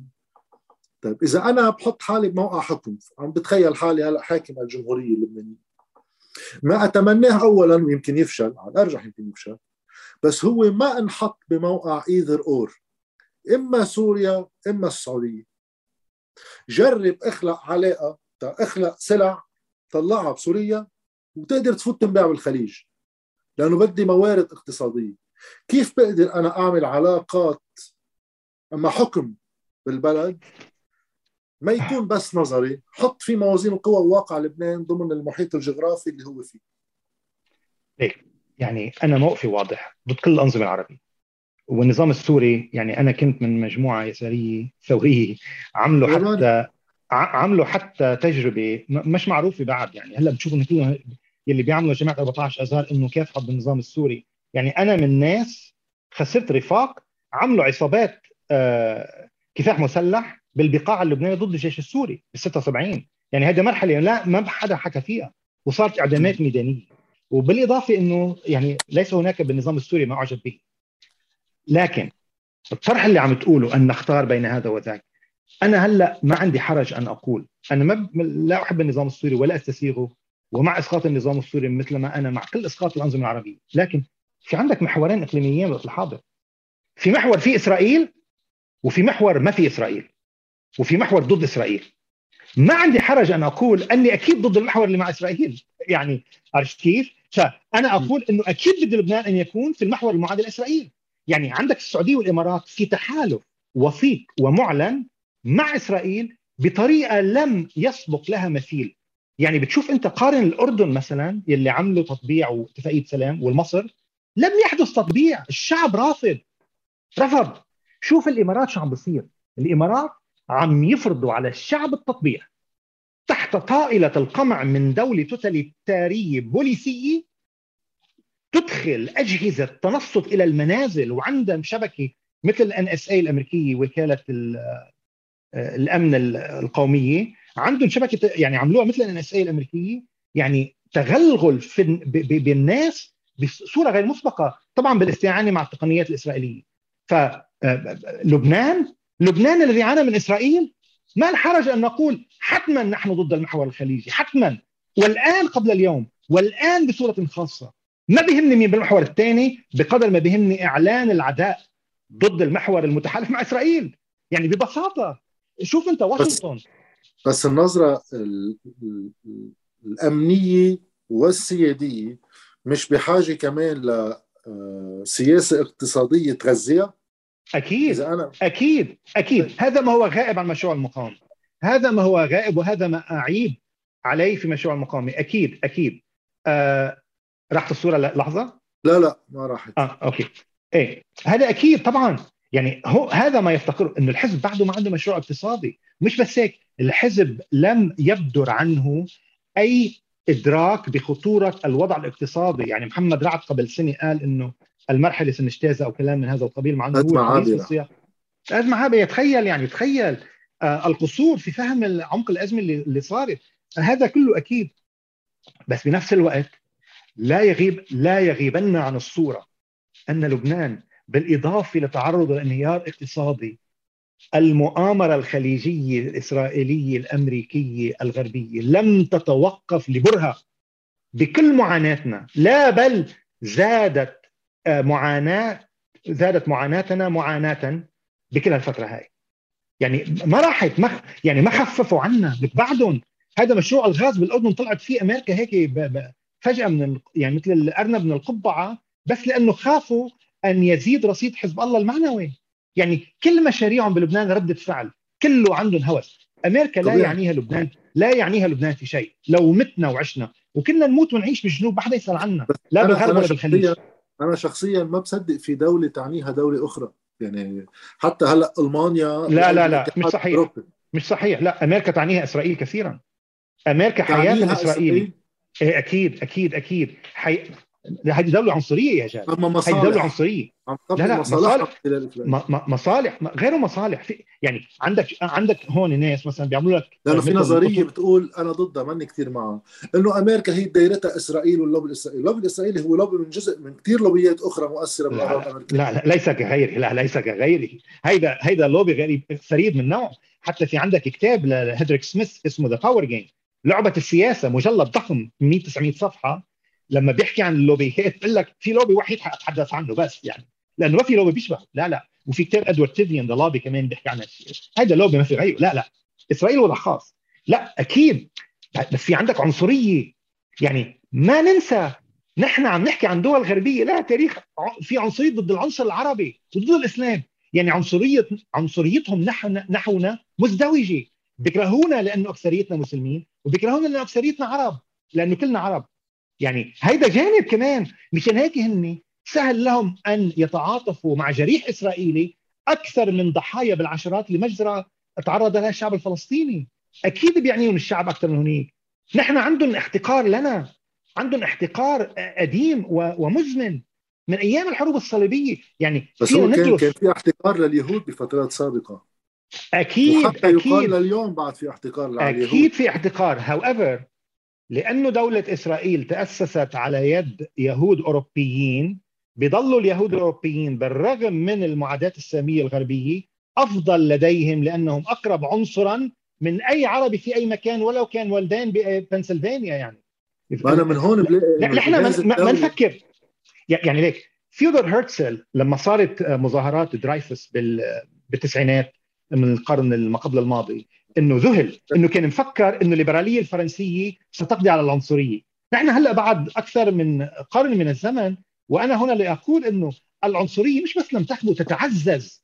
العنصرية تتعزز بالأخص ضدنا عربا ومسلمين ومسلمات. وحتى ضد المسيحيين المشرقيين. شوف محلها بالمسيحيين في العراق مثلا من جراء ما عندك كان بعراق دوله على فكرة يعني مشان هيك أنا لا أتعجب. مثلا إذا بتروح أنت بأمريكا بتشوف أكثر الناس مناصرة للنظام السوري وللنظام الصدامي. بالكنائس المسيحية مثلا أنا بمنطقتي هون الكنائس المسيحية المشرقية السريانية وغيرها شديده التعاطف لأنها رأت إنه مشروع أمريكا كان أكثر ضررا لها من كل ما سبق من عقود من الزمن. تخيل. إيه أنا بس المحل اللي عم بقصد فيه إنه كل الدول تتربص ببعضها البعض. هلا في الجوانب العنصرية بتزيد على دول العالم الثالث مثل أفريقيا مثل الشرق الأوسط مثل حتى آسيا الوسطى والشرقية يعني. بس جهاز الدولة هو للتعامل مع المصالح الخارجية اللي بدها تجي علي. أنا ما بلاقي من المنطق ولا طبيعي يكون في بلد وكمان حجمه هالقد يعني في قوى نظريا هي ما دون الدولة بس كلها فوق الدولة يعني. من وليد جملات لا حسب الله يعني لأنه الكل بحط حسب الله. وأنا دائما وقت أقول إنه الكل مسلح بلبنان والسلاح اللي بيعمل حرب آلية مش ضروري يكون هيدا سلاح أكيد مش صواريخ. أنا قناعتي إنه هو كلهم مش منطقي. يعني أنا ما بعرف إنه الدولة جهاز قمعي مش مش بال مش بالحب ولا المحبة. بتمنع الدولة إذا حدا بيقب راسه ليفتح علاقة خاصة بدولة أخرى. هيدا الواقع متفجر بلبنان. في بأي لحظة ننزلق لحرب أهلية. أوكي ممتاز ممتاز. سأجيبه. أول شيء أنا ضد مقارنة علاقة نصر الله بإيران بعلاقة الأطراف الثانية بدول الخليج وبأمريكا. لأسباب يعني واضحة وكتبتها بمناقشه لأفكار شرب النحاس التي وردت في المقابلة معك في أول الدقائق للحلقة الأولى منه. يعني نصر الله غير بالعلاقه لأنه حجمه ودوره ونفوذه لا يقارن بدور عباس الموسوي أو طبعا صبحي التفيلي اللي قاد أسوأ مرحلة رهيبة مخيفة في تاريخ حزب الله يعني. آه وهو هلا صار بالمحور الآخر الخليجي يعني آه وهي طرفة يعني. آه هلأ نصر الله في عندهم علاقه دينية بإيران لا تعنيني ولا تعني أي علماني وفي عندك كنائس في لبنان عندها علاقة دينية بفاتيكان مثلا. لا تعنيني بشيء إذا أنا خارج الأديان وأنا خارج الأديان والطوائف طبعا. هلأ عندهم علاقة سياسية. هلأ أنت بس يعني اعمل المقارنه بذهنك. تتخيل أنت إنه علاقة نصر الله بإيران مثل علاقة السنيورة بالسعودية مثلا أو مثل علاقة جلاد موازين القوى مختلفة. لا لا مش موازين لا مش موازين القوى ما لها علاقه بموازين القوى يا جاد لها علاقه الله وايران غير موازين ما لها السنيوره والسعودية. ما لها علاقه بموازين القوى لها علاقه بعلاقة التابع والمتبوع. هؤلاء عبيد. الإعلاميين التابعين للسعودية والإمارات عبيد. هلا يعني بيعطون أوامر بيطيعوا. إنه هذا المشنوع عبر عنه ما حدا بيحكي ما حدا بيتذكرها. قال نحن صوتنا مشان عون اجتنا أوامر من السعودية. هيك بيتصرفوا هدول هيك علاقتهم. علاقه نصر الله بإيران غير ذلك نراها يعني يعني نصر الله أقوى من الرئيس الإيراني. هلا طبعا الولي الفقيه أعلى منه مرتبة وهو يتلقى توجيهاته بس علاقه مختلفة. هلا في عندنا إشكالية بلبنان. طب أنا مثلا بدي من منطلق أنا مدني وطني عفوا ما عندي ابدا مفهوم سيادة لبنان. أنا لبنان وطن غير نهائي ويجب أن لا يكون وطنا نهائيا. كل أطروحة الطائف أنا ما بتعني لي شيء ابدا. التركيبة الهوية كلها كلها. أنا أنا لبنان بدي اياه يندمج في محيط عربي. يعني. هلأ آه الذي أقول بعلاقه نصر الله إنه طيب بدنا إنه ما يكون في علاقات مع دول خارجية. إذا أنت هيك بدك مثلا. طبعا ما مشكلة. يا يعمل ما يا يعملها من خلال الدولة.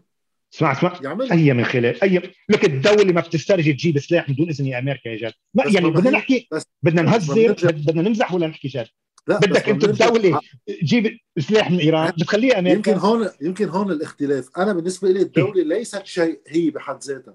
الدولة لكن- هو صراع داخلها من قبل قوى بدها تشغلها. ما في يقول الدولة- الدولة ما بتسوى حجاوبك في- حجاوب حجاوبك الدولة التي ستتلقى سلاحا من إيران ستكون دولة محاصرة من دول الخليج والغرب مباشرة وتلقائيا وتتعرض للعقوبات. هذه الدولة. إذا أنت بدك تعمل دولة مدنية بدك تجاوبني عن هالسؤال أساسا. كيف بدك تدافع عن دولتك؟ إذا ما جاوبني عن هالسؤال ما في أجوبة تانية. ما قبل الطبابة قبل الاستشفاء. تماما تحتاج تحتاج أن تحمي هذه الدولة. عندك ناس متطوعين عم يحموا الدولة عم بيجيبوا سلاح من إيران. يلعن السلاح من إيران. ما بدي إياه. طب صنع سلاح محليا. لك بدي لك آه، آه، بتقول ليش يا جاد يا جاد. قامت إسرائيل قالت إنه حزب الله وطبعا كانت كذبة إنه حزب الله عم يعمل مصنع ما بعرف شو. في حدا من جماعة الدولة المدنية قال أنا مع التصنيع الوطني للسلاح. هذا إسرائيل. في حدا؟ انت حكيت حدا. حكى؟ ما حدا حكى. انت معه. طيب. أوكي وأنا معه. وأنا معه. أنا بدي الاستغناء عن السلاح الإيراني. إذا كنا نستطيع أن نصنع محليا وداخليا ونخلط معه كمان طحينة آه نموذج لبناني للتسليح الرادع الإسرائيلي. أكيد بدي هيك. لكن أنا إذا عم بفهم ال- الاختلاف وين عم بيكون أنا بالنسبة لك بما إنه الدولة واقع غير نهائي والأولوية هي للصراع مع إسرائيل. لا مش صراع مع إسرائيل. مش هذا كلامي. الأولوية هي حماية شعبك. حماية مش صراع مع هذا طب قصدي جا جا أنا عم الصراع بحكي لحماية نفسي لا لا لا لحظة شوي لحظة شوي. لا لا لا هيدا هيدا مش كلامي. لحتى اكون واضح أنا عم أقول لك فرضا ولو تنصلنا من مسألة فلسطين وهي لن. وأنا لن نتنصل منها يعني ومين أنا يعني بس إنه أنا ضد هالفكرة هاي. أنا أحدثك إنه مسألة تسليح لبنان مش لنحرر فلسطين وأنا مع تحرير فلسطين. أنا من أجل حماية شعبك وبلدك ودولتك. تماما تماما. إذا بدك تعمل إذا بدك تطرح دولة مدنية بدك حدا يحميها. مين بده يحميها؟ جزاف ما بيحميها.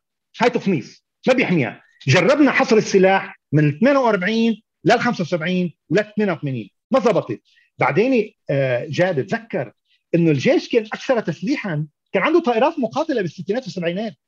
طبعا استعملها مرة واحدة. لماذا؟ كيف استعملها؟ أنت بتعرف. كيف على استعملها الفلسطينيين على ال- شكراً. شكرا. على مخيمات. برج البراجني وشفيرة. تماما. الهوكر هانتر ب 73 اللي- بأيار. إيه اللي أنا عم جرب أقوله إنه أنا بالنسبة لي وكمان مين أنا يعني بس رأيي آه، ال- ال- السياسة ما في بالنسبة لي ما فيها تكون جانب واحد. يعني أنا ما في حدا يقول لي بس اقتصاد وما بعرف شيء تاني. وكمان ما حدا في يقول لي بس مقاومة ما بقدر أعرف شيء تاني. أنا معك. إيه أنا أنا, معك. أنا هون الإشكالية بس. أنا معك. هاي الإشكالية بس- ما عليها بس شو. المشكلة؟ أنا معك أنا معك. بس شو المشكلة؟ إنه أنا ما بقول إنه ما بيهمني الطبابه المجانية وما بيهمني آه، يعني تخصيص البنوك والسطو على المصارف بالكامل وحتى فرض ضريبة هائلة. والت- والتأميم. أنا كنت أكتب على الجامعة الأمريكية لما كنت تلميذ تأميم الجامعة الأمريكية يعني عندي طروحات كثير جذرية بالسياسة الداخلية ومين أنا يعني؟ طبعا بس إنه يعني حتى من أيام الصبا كان عندي هالأفكار ولن تتغير متى تتغير ما تغيرت أفكاري. آه يلي عم اقوله أنا إنه أي مشروع إصلاح داخلي يحتاج إلى الجواب عن السؤال الأول اللي هو حماية شعبك وبلدك ودولتك حتى إذا الدولة بتهمك. أنا الدولة مش حبيبي آه، بحكم ال- يعني الفكر الفوضوي. بس إنه حتى لو آه، سلمنا جدلا بهالقصه هاي بدك تجاوب عن هالسؤال. بدك تجاوب كيف بدك تحمي هذه الدولة؟ بدك تعطيني طرق بديلة. ما بتحب إيران؟ أنا ماني معجب بالنظام الإيراني أكيد ماني معجب بالنظام الإيراني. لا بيمثلني لا عقائديا ولا سياسيا ولا فلسفيا ولا شيء ولا شيء ابدا. أنا كنت من أنصار أيام الثورة كنا ضد فكر الخميني كنا نحن مجموعة يساريه ثورية كنا مع فدائية خلق. ما حدا بيتذكرهم بعدهم هلأ. يعني كنا بمحل ثاني يعني. بس هلا بالوقت الحاضر عندك مقاومة فاعله مخيفة لإسرائيل مخيفة. بيقولوا عنا العدو رقم واحد تخيل. يعني كل اللو... العمل اللوبي الإسرائيلي بالعالم كله مكرس ضد ضد إسرائيل ضد حزب الله. مش لأنه مش لأنه ديني طبعا مش لأنه فكره ما بيعجبهم مش لأنه متحالف مع نبيه بري والفساد لأنه عم بيشكل لهم خطر ولأنه أذلوهم على أرض الجنوب. حتى قبل ما يدخلوا أذلوهم. مش هيك. بدك تجاوب على السؤال. بتناقش حدا غيري مش أنا لأنه أنا لا لا لا. كل كل نقاشاتي مع كل اللي يعني على القليل اللي آه، يا على التلفزيون يا على القناة تبعي طلعوا مع شعار إنه ما بيصير شيء بالبلد ولا بيزبط شيء بالبلد غير ما يتسلم سلاح حزب الله. جوابي هو أنا شفتك بآخر حلقة مع أبو نصيف. اثنيناتكم عم بتسلموا بالمنطق الفيبري اللي أنا بلاقيه مضحك. إنه قال لأنه ماكس فيبر قال إنه الدولة هي حص هي احتكار وسائل العنف فصار لازم نسلم سلاح المقاومة يعني يعني هيدي الفكرة كثير بلاقيها مضحكة. مش مش هي شو علاقه ماكس فيبر خلي ماكس فيبر خلي ماكس فيبر يجي يدافع عن جنوب لبنان. خليه يتشرف خليه يتفضل. شو شو الفكرة ماكس فيبر عم بتناقش عم بتناقش حدا ثاني أنا المنطق تبعي اللي دائما بكرر هو ذاته. إنه أنا بالنسبة لي ما في اتعامل مع حزب الله وسميه ميليشيا. لأنه بعرف شو عامل بجنوب وبعرف هيدا منه طحنك إنه وشو عم يعمل. وشو عم يعمل. وشو عم يعمل. مش عم تعتدي على لبنان. مش لأنه خايفين من أي حدا إلا طرف واحد. تفضل. عظيم. وأنا ما بقدر أقبل أي طرف سياسي على نسق 14 اذار من 2005 لليوم على تغير مسمياتهم إنه أنا بمارس الحياة السياسية تحت شعار بغض النظر إذا بتفق معه ولا ما بتفق معه ها؟ رح رح أفترض أنا بتفق معه بدنا نسلم سلاح حزب الله. له عظيم بدي أنتخبك كيف بدك تسلمه هذا؟ ما في جواب. واحضر على البلد بعد 15 سنة ثانية أنا اللي عم بقوله مشكلتي مع حزب الله بعث لي سياسة مالية واقتصادية تشوف هالمجتمع شو بدي أعمل فيه هون. وأنا عندي الشيء الثاني الشيء الثاني أنا ما في هلأ أحطه لا لأنه الدولة قادرة تدافع عن حالها لا لانها مهيئة لتقوم بأي عملية ولا لشيء هو ما بقدر أطرحهم اليوم. من وما عندك أنا... وما عندك فكرة عن كيف عن, عن كيف البديل. ما عندك فكرة. ولا حدا من يعني من دعاة الدولة المدنية طرح لنا فكرة آه يعني كونكريت ملموسة عن بديل فعال للمقاومة الحالية الدينية. ما بدنا إياها دينية طب اعطيني اعطيني مقاومة علمانيه نحن يعني أنا من نتاج تجربة المقاومة العلمانية فشلت فشل ذريع. آخر مرة هلا أنت اخر مره آخر مرة شفت لجورج حبش. كانت خايبة مع جورج حبش إنه كيف قال لك إنه خلص زماننا. تماما تماما. أنا برأيي إنه اليسار يضل بس مش اليسار يتحول ليبرالي صار يسار العربي ليبرالي. من تونس للسودان للبنان. بطل يسار بطل في يسار. لك بيفتحوا بكلمة ماركس صاروا. بحطوا بس صورة جيفاره جورج حبش قال لي بآخر اللقاء قال لي إنه نحن فشلنا. جربنا المقاومة وفشلنا. هلأ حماس وحزب الله عم يعملوا شيء نحن ما قدرناه. فأنا كان ردي وقتها إنه يعني انزعلت وقتها إنه طيب ما لازم نستسلم. للأسف استسلمنا. أو اليسار تحول بنسق ليبرالي. صاروا مثل ال NGOs اليسار. أنا مع إنه يكون في هلأ بالعكس هلا في فرصة بلبنان بشكل خاص إنه يعني أنا انشد أنشد إنه يصير في تبلور أو نشوء لحركة يسارية ثورية هي تطرح الشعارات الجذريه، تأميم المصارف، السيطرة القبض بالقوة على أصحاب المصارف وعلى رياض سلامة وسوقهم مقتادين إلى سجن سجن ميداني أو سجن رسمي ما بهم لا ميداني أفضل لأنه ما بتوسع بالسجون الدولي. فيعني أكيد أنا مع هالشيء وأكيد إنه الحزب ما عم يعمل أي شيء للإصلاح داخليا ولا شيء. بس بنفس الوقت يعني هون الحذر. أنا كيف أستطيع أن أوفق بين إني أرفض كل سياسات الحزب الداخليه وبين يجب أن أتنبه كي لا أكون جزءا وإن كلاميا لفظيا من مؤامرة لا لبس فيها. أطراف السعودية والإمارات وإسرائيل وأمريكا وأوروبا ضد ضد فريق مش لأنه ديني. لأنه أذل إسرائيل ويمنعها من العدوان على لبنان. بس ما في سؤال هون بعد ما لقينا جواب عليه لأنه أنا وقتها وقتها حطيت إنه المؤامرة الفعلية هن هول اللي عنا لأنه إذا في مؤامرة خارجية وما حدا عم يتصدى لها إذا المؤامرة هلأ مالية والانهيار هي نتيجة إرادة خارجية طيب شو هي الإرادة المضادة الداخلية؟ إذا ما في حدا عم يتصدى لها إذا الأطراف المحليين هم المؤامرة. تمام. تماما تماما. يعني حزب الله بصوره غير مباشرة أو مباشرة عبر يعني انتقاء آه، مئات أو حتى حسان دياب أو حتى سعد الحريري. وبكرة يمكن يجيبوا المخزومي بس سبعة شيء أنا. يعني عم بيساهموا بالمؤامرة من دون إدراك. مشان هيك أنا أقول حماية للمقاومة يعني إنه يجب الخروج من السلطة كليا. وحتى عدم التمثل في مجلس النيابي. الانتخابات هي اليوم مثل ما كان بال 2005 مؤامرة ضدهم يعني. وفي حشد مالي رهيب. شوف السفارة الأمريكية اللي عم بتجول بالمناطق لحتى تدخل بالانتخابات. ولا حدا من أدعياء السيادة عم يحكي شيء. ولا حدا من أدعياء الدولة المدنية اعترض.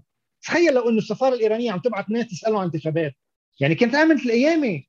بعدين عندنا عندنا هلأ معركة حرية التعبير في لبنان أطرافها بالسعودية وبالإمارات. ما حدا عم برد. لك حتى الإعلاميون والإعلاميات اللي المفروض يكونوا يعني الحريصون والحريصات على حرية الرأي. ما حدا حكى منهم بالعكس. طلعوا بتأييد. طلع لك ليبرالي عربي. ليبرالي عربي حازم صاغي بالشرق الأوسط طلع لك بمقولة هو اللي كان يسخر لسنوات. لا صوت يعلو فوق صوت المعركة. وأنا مع الشعار لأنه عبد الناصر كان وقتها عم بيعد لمعركة أثبتت جدواها بحرب الاستنزاف ضد إسرائيل. سخروا منه بعدهم بالصحف السعودية إلى الآن بيسخروا من عبد الناصر على الشعار يلي كان صائبا. شو طلع لك عبد الحازم صغير؟ عم ببرر كيف إنه السعودية عم تفرض على لبنان طرد وزير إعلام بسبب تصريح له عن حرب اليمن. بيقول لك إيه؟ إنه المصلحة الوطنية تعلو على حرية التعبير. طبعا قصده مصلحة الوطنية تبعت النظام السعودي. تخيل يعني. ففي مفارقة. يعني في أمور عجيبة تجري يعني بنقدر ننتقل أنا بس بخالفك بشغلة إنه المفارقة هول حازم واللي انكتب وخاصة بقصة جورج أرداحي والسعودية. أنا هو تماما. بس عندي نفس المفارقة حزب الله. مش هيك أنا بالوضع بقصه إنه هو مش عارف مئاتي وينه مش عارف إنه مئاتي شو هو مش عارف وقت يفوت على حكومه بيطلع له وزير يقول أنا بدعي الوزير ما يستقيل. مظبوط أنت عارف ولا أنا كويس قصر قصر نظر وفيك تقول غباء سياسي وفيك تقول عدم معرفة فيك تقول كل شيء. بس في فارق. في فارق بين أطراف هن جزء من محور يضم إسرائيل. وبين طرف يتنص يتصدر طرف معاداة ومقاومة إسرائيل. في فرق. بس بس بس مين بيقول لك إنه حزب الله ما عنده مصلحة لأسبابه المقاومة وأدواره العسكرية؟ يقول خي أنا هيدا النظام بفساده هو أفضل شيء. لأنه خلي كل أنا ضده. أنا ضده. وهو عم وهو عم بيقوم بعمل يفيد النظام. ومش بس هيك حتى ضد مصلحته يعني هلا مين أنا أختار مصلحته بس أنا أنا, أنا كيف في اخذ موقف؟ يعني أنا بتمنى يعني هلا لأنه اثنين بدي بدي واحد يتعامل معهم حاجتي بالدفاع عن البلد وحاجتي بإنه يكون عندي بلد. ما عم بقدر أتخطى فكرة إنه حزب الله مشارك بها. وأنا كمان وأنا كمان. بعرف بعرف إنه كان في فرصة مع انهيار النظام وأنا كمان. كلهم مخلخلين أنا معك. أنا معك أنا معك. والظروف اللي صارت وقتها اللي أنا يعني بعرفها ما عندي مصادر بس إنه اللي بعرفه إنه لها علاقة بحسابات الثنائي الشيعي والعلاقة بينه وبين بري. هلأ ما عم برر بالعكس أنا شديد العداء. كل شيء قام فيه حزب الله سياسيا كل خطاب كل تصريح كل موقف كل وزارة آه أنا ضده من وقت الانهيار إلى الآن. كلها ضده. وأعتبر إن ذلك كانت ضد مصلحة المقاومة. بس هذا رأيي. هن بيقدروا مصلحتهم على طريقتهم يعني. أنا بمثل نفسي وبقدر أعطي رأيي. بس أنا برأيي أكيد إنه المشاركة في السلطة وحماية هذه السلطة الرديئة تعود بالضرر على الشعب اللبناني اولا وعلى مصلحة المقاومة ثانيا. يعني وهيدا الشيء يعني إيه تفضل. لا أنا لأنه طولنا شو بتصور كما نحكي انتخابات قطعنا عليها بدنا نحكي عن سياسه ماليه كله فات ببعضه. أنا بفضل أنا بالاقتصاد بالإقتصاد بالإقتصاد أعترف بجهلي. تحكي مع غيري. لا لا, لا هيك الوضع إيه؟ العام. بس وأصدقائي يقولون لك ذلك قبل الأعداء. إيه تفضل.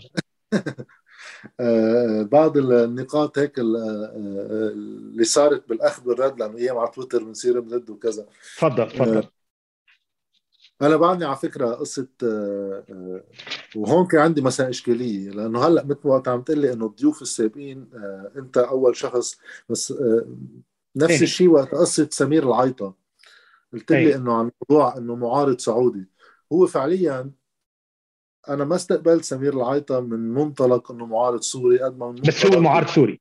بس هو معارض سوري. مشان هيك قلت لك أنا ورجعنا حكينا على الخاص إنه إذا عندك معرفة بأي معارض سوري أنا بتمنى سعودي قصدك السعودي. إيه, إيه، بتمنى لأنه آه، هيدا الجانب آه كمان مش بس ما في إضاءة عليه مجهول الواقع صحيح. المحلي صحيح. كيف بيصير التعامل فيه مع الأنظمة هونيك صحيح. ووقتها وقتها حكيت أنا مع مضاوي الرشيد مضاوي الرشيد معارضة سعودية وأكاديمية معروفه في لندن وهي في كثار ناس ما بيعرفوا هي من أم لبنانية من بيت البحصلة يعني. و... ودرست حتى بال Collège Protestant فترة يعني. وتعرف لبنان جيدا وتعرف السياسي في لبنان جيدا يعني. فتصلح لأن تكون ضيفه أكيد. وأنا أكيد بتمنى. ما عندي contact شخصي معها فإذا حكيت معها هي هلأ في كانت هلأ في سفر. فقالت لي لما ترجع بتخبرني وأكيد بوافيك. إيه عظيم. آه ومشان هيك أيام بيكون في عندي هيك شغلة إنه عندك حكم مسبق انطلاقا من حرصك على ما يصير في اتجاه لمكان ما بالحكم وبالحكم على شيء. لأنه هلأ وقت قلت لي عن الضيوف السابقين صرت عم جرب أتذكر إنه هل أنا فعليا معقول كون بس أنا ما بعدني يعني نجاح وكيم آه، إبراهيم الأمين آه، إيه. بس إنه بتاخذها صحيح. مواقفهم المقاومة. إذا بتاخذها بالنسبة لعدد الضيوف يعني بتلاقي بتلاقي بس اللي بقول لك إيه يمكن يعني مش يمكن. أكيد معك حق إنه أنا حريص.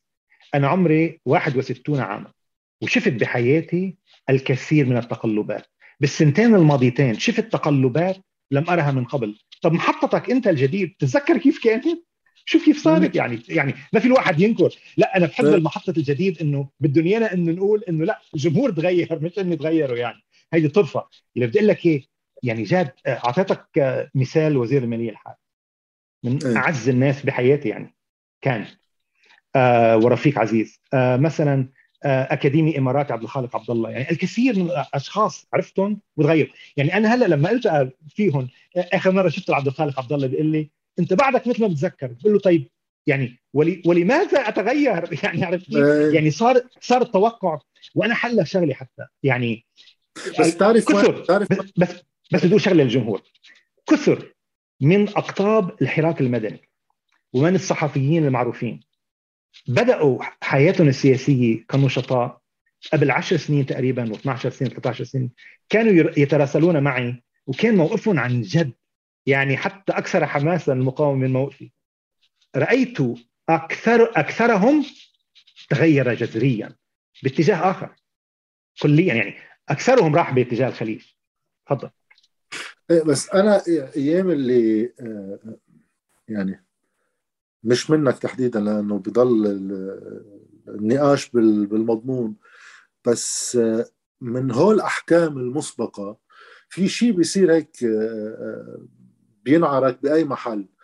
بأنه أنا عندي أخطاء لا تعد ولا تحصى لا شك يعني. بس بعتقد يعني على القليله جهدي إنه ما خلي المال هو بحرك لي خياراتي. ومش هيك حتى وقت رحت على قصة بلومبرج الشرق كنت أنا عم بكتب إنه فعليا وصلت لمحل لا قدران ابقى ولا قدران فل لأنه وصلت لمحل على فكرة اللي كان عم بخليني ما فل من البلد لأنه أهلي كانوا يقولوا لي إنه روح اتعلم برا. آه، أختي برا وخيي هلأ صار برا. في أنا اللي كان بخليني هون هو أهلي. إنه لأ طب ما ماشي حالي كمان وشو بده واحد بالدنيا صحيح. نوصل لمحل بسنة الماضية تحديدا بعد الانفجار بتحس هذا البلد سكرت كل شيء صار بدي فل كرمال أهلي. نفس نفس السبب يعني لأنه هذا مين بده يأمن مدخول؟ تيقدر يعيل هاي القصة كلها. وبعرف أنا لوين رايح. وصار في محاولة مني لأنه أنا عندي اعتبار إنه الإعلام وين ما كان بالدنيا من أمريكا للصين للبنان للسعودية لوين ما كان مملوك من فريق عنده موقف عم بيصور تماما. بس أنت طلعت بالحل الأمثل. عملت بودكاست ممول ذاتيا. على فكرة هي مخاطرة. أعطاك استقلالية. هلا أنا مكيف وبشكر كل الناس اللي بتساعد واعطاك استقلالية. تماما. بوقتها كانت الفكرة إنه أنا مضطر أروح لهونيك وحتى بيني وبين حالي لأنه في أفكار بدها تبرم براسك أنت عارف حالك لوين رايح. صرت كيف بدك تخلق مناعة هونيك بوين وضعيتك جوات هالشيء؟ لا حلوا لي إياها ما في ما في ما في ما في ما في ما في جاد. يعني ب... يعني ب... بلا ما نخلع بعض. فيك. بصعوبه في مثل جوزيف سماحه يعني ما عم شبه حالي ولا بأي شكل يعني. حجاوبك أشتغل بالحياة حجاوبك حجاوبك حجاوبك حتى كتاباته بوقتها كانت تحت قيود صارمة وهو بيعترف فيها. حازم إيه، الأمين بعد حازم الأمين بعد سنة بعد سنوات من العمل في جريدة سعوديه حازم الأمين كتب مقالة بالحرة اعترف فيها قال كان عندنا قيود يعني آه، كأنه بالحرة ما في قيود. بس اللي بدي أقول لك إياه إنه ما فيك. بإعلام الخليج ما فيك ما فيك ما فيك ما فيك ما فيك تعطيني بعدين تغير الزمن عن وقت جوزيف سماحة. هلا هلا بين لي إنه أساسا ما بتقدر تدعس هونيك أصلا. تمام. هلا بطل فيك. هلا بطل فيك. يعني آه شو اسمه؟ سلطان نور الدين استد... هو موقع قطري. استدعوه على الإمارات هددوه بعائلته إذا بخلي أي نقل الإمارات على موقعه ورجع إلى موقعه سالما وامتثل.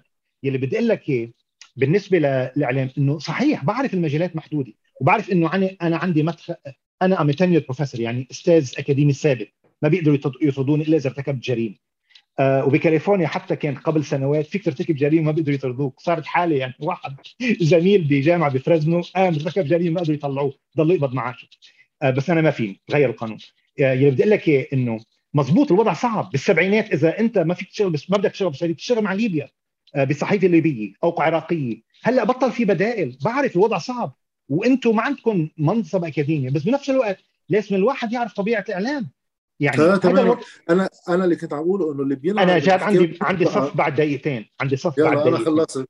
بس هي إنه هلأ من ورا هيدا ال affiche LBC عملته على فكرة على قصة الصور إيه عندي تعليق عليه عندي تعليق عليه لو في إيه وقت إيه. بس وين الإشكالية أنا بفهم وأنا برأيي تحديدا بصورة أمين عام حزب الله حسن نصر الله تحديدا لأنه هيدي البارودة إسرائيلية كان لازم تنحط غير شيء وحتى لها معاني بس أنا وين مشكلتي؟ مش بس بالأحكام المسبقة إنه بتصير أنت قابض من الخليج وإنه أنت قابض من رياض سلامة أنا يعني أنا إذا في شيء واحد عامله منيح بهالحياه إنه عايز حالي على شيلك شيلك من رياض سلامة وشيلك من الاتهامات اللي بتجي على تويتر. كلنا بتجينا اتهامات. آه المحطه محطة طائفيه وفاسدة.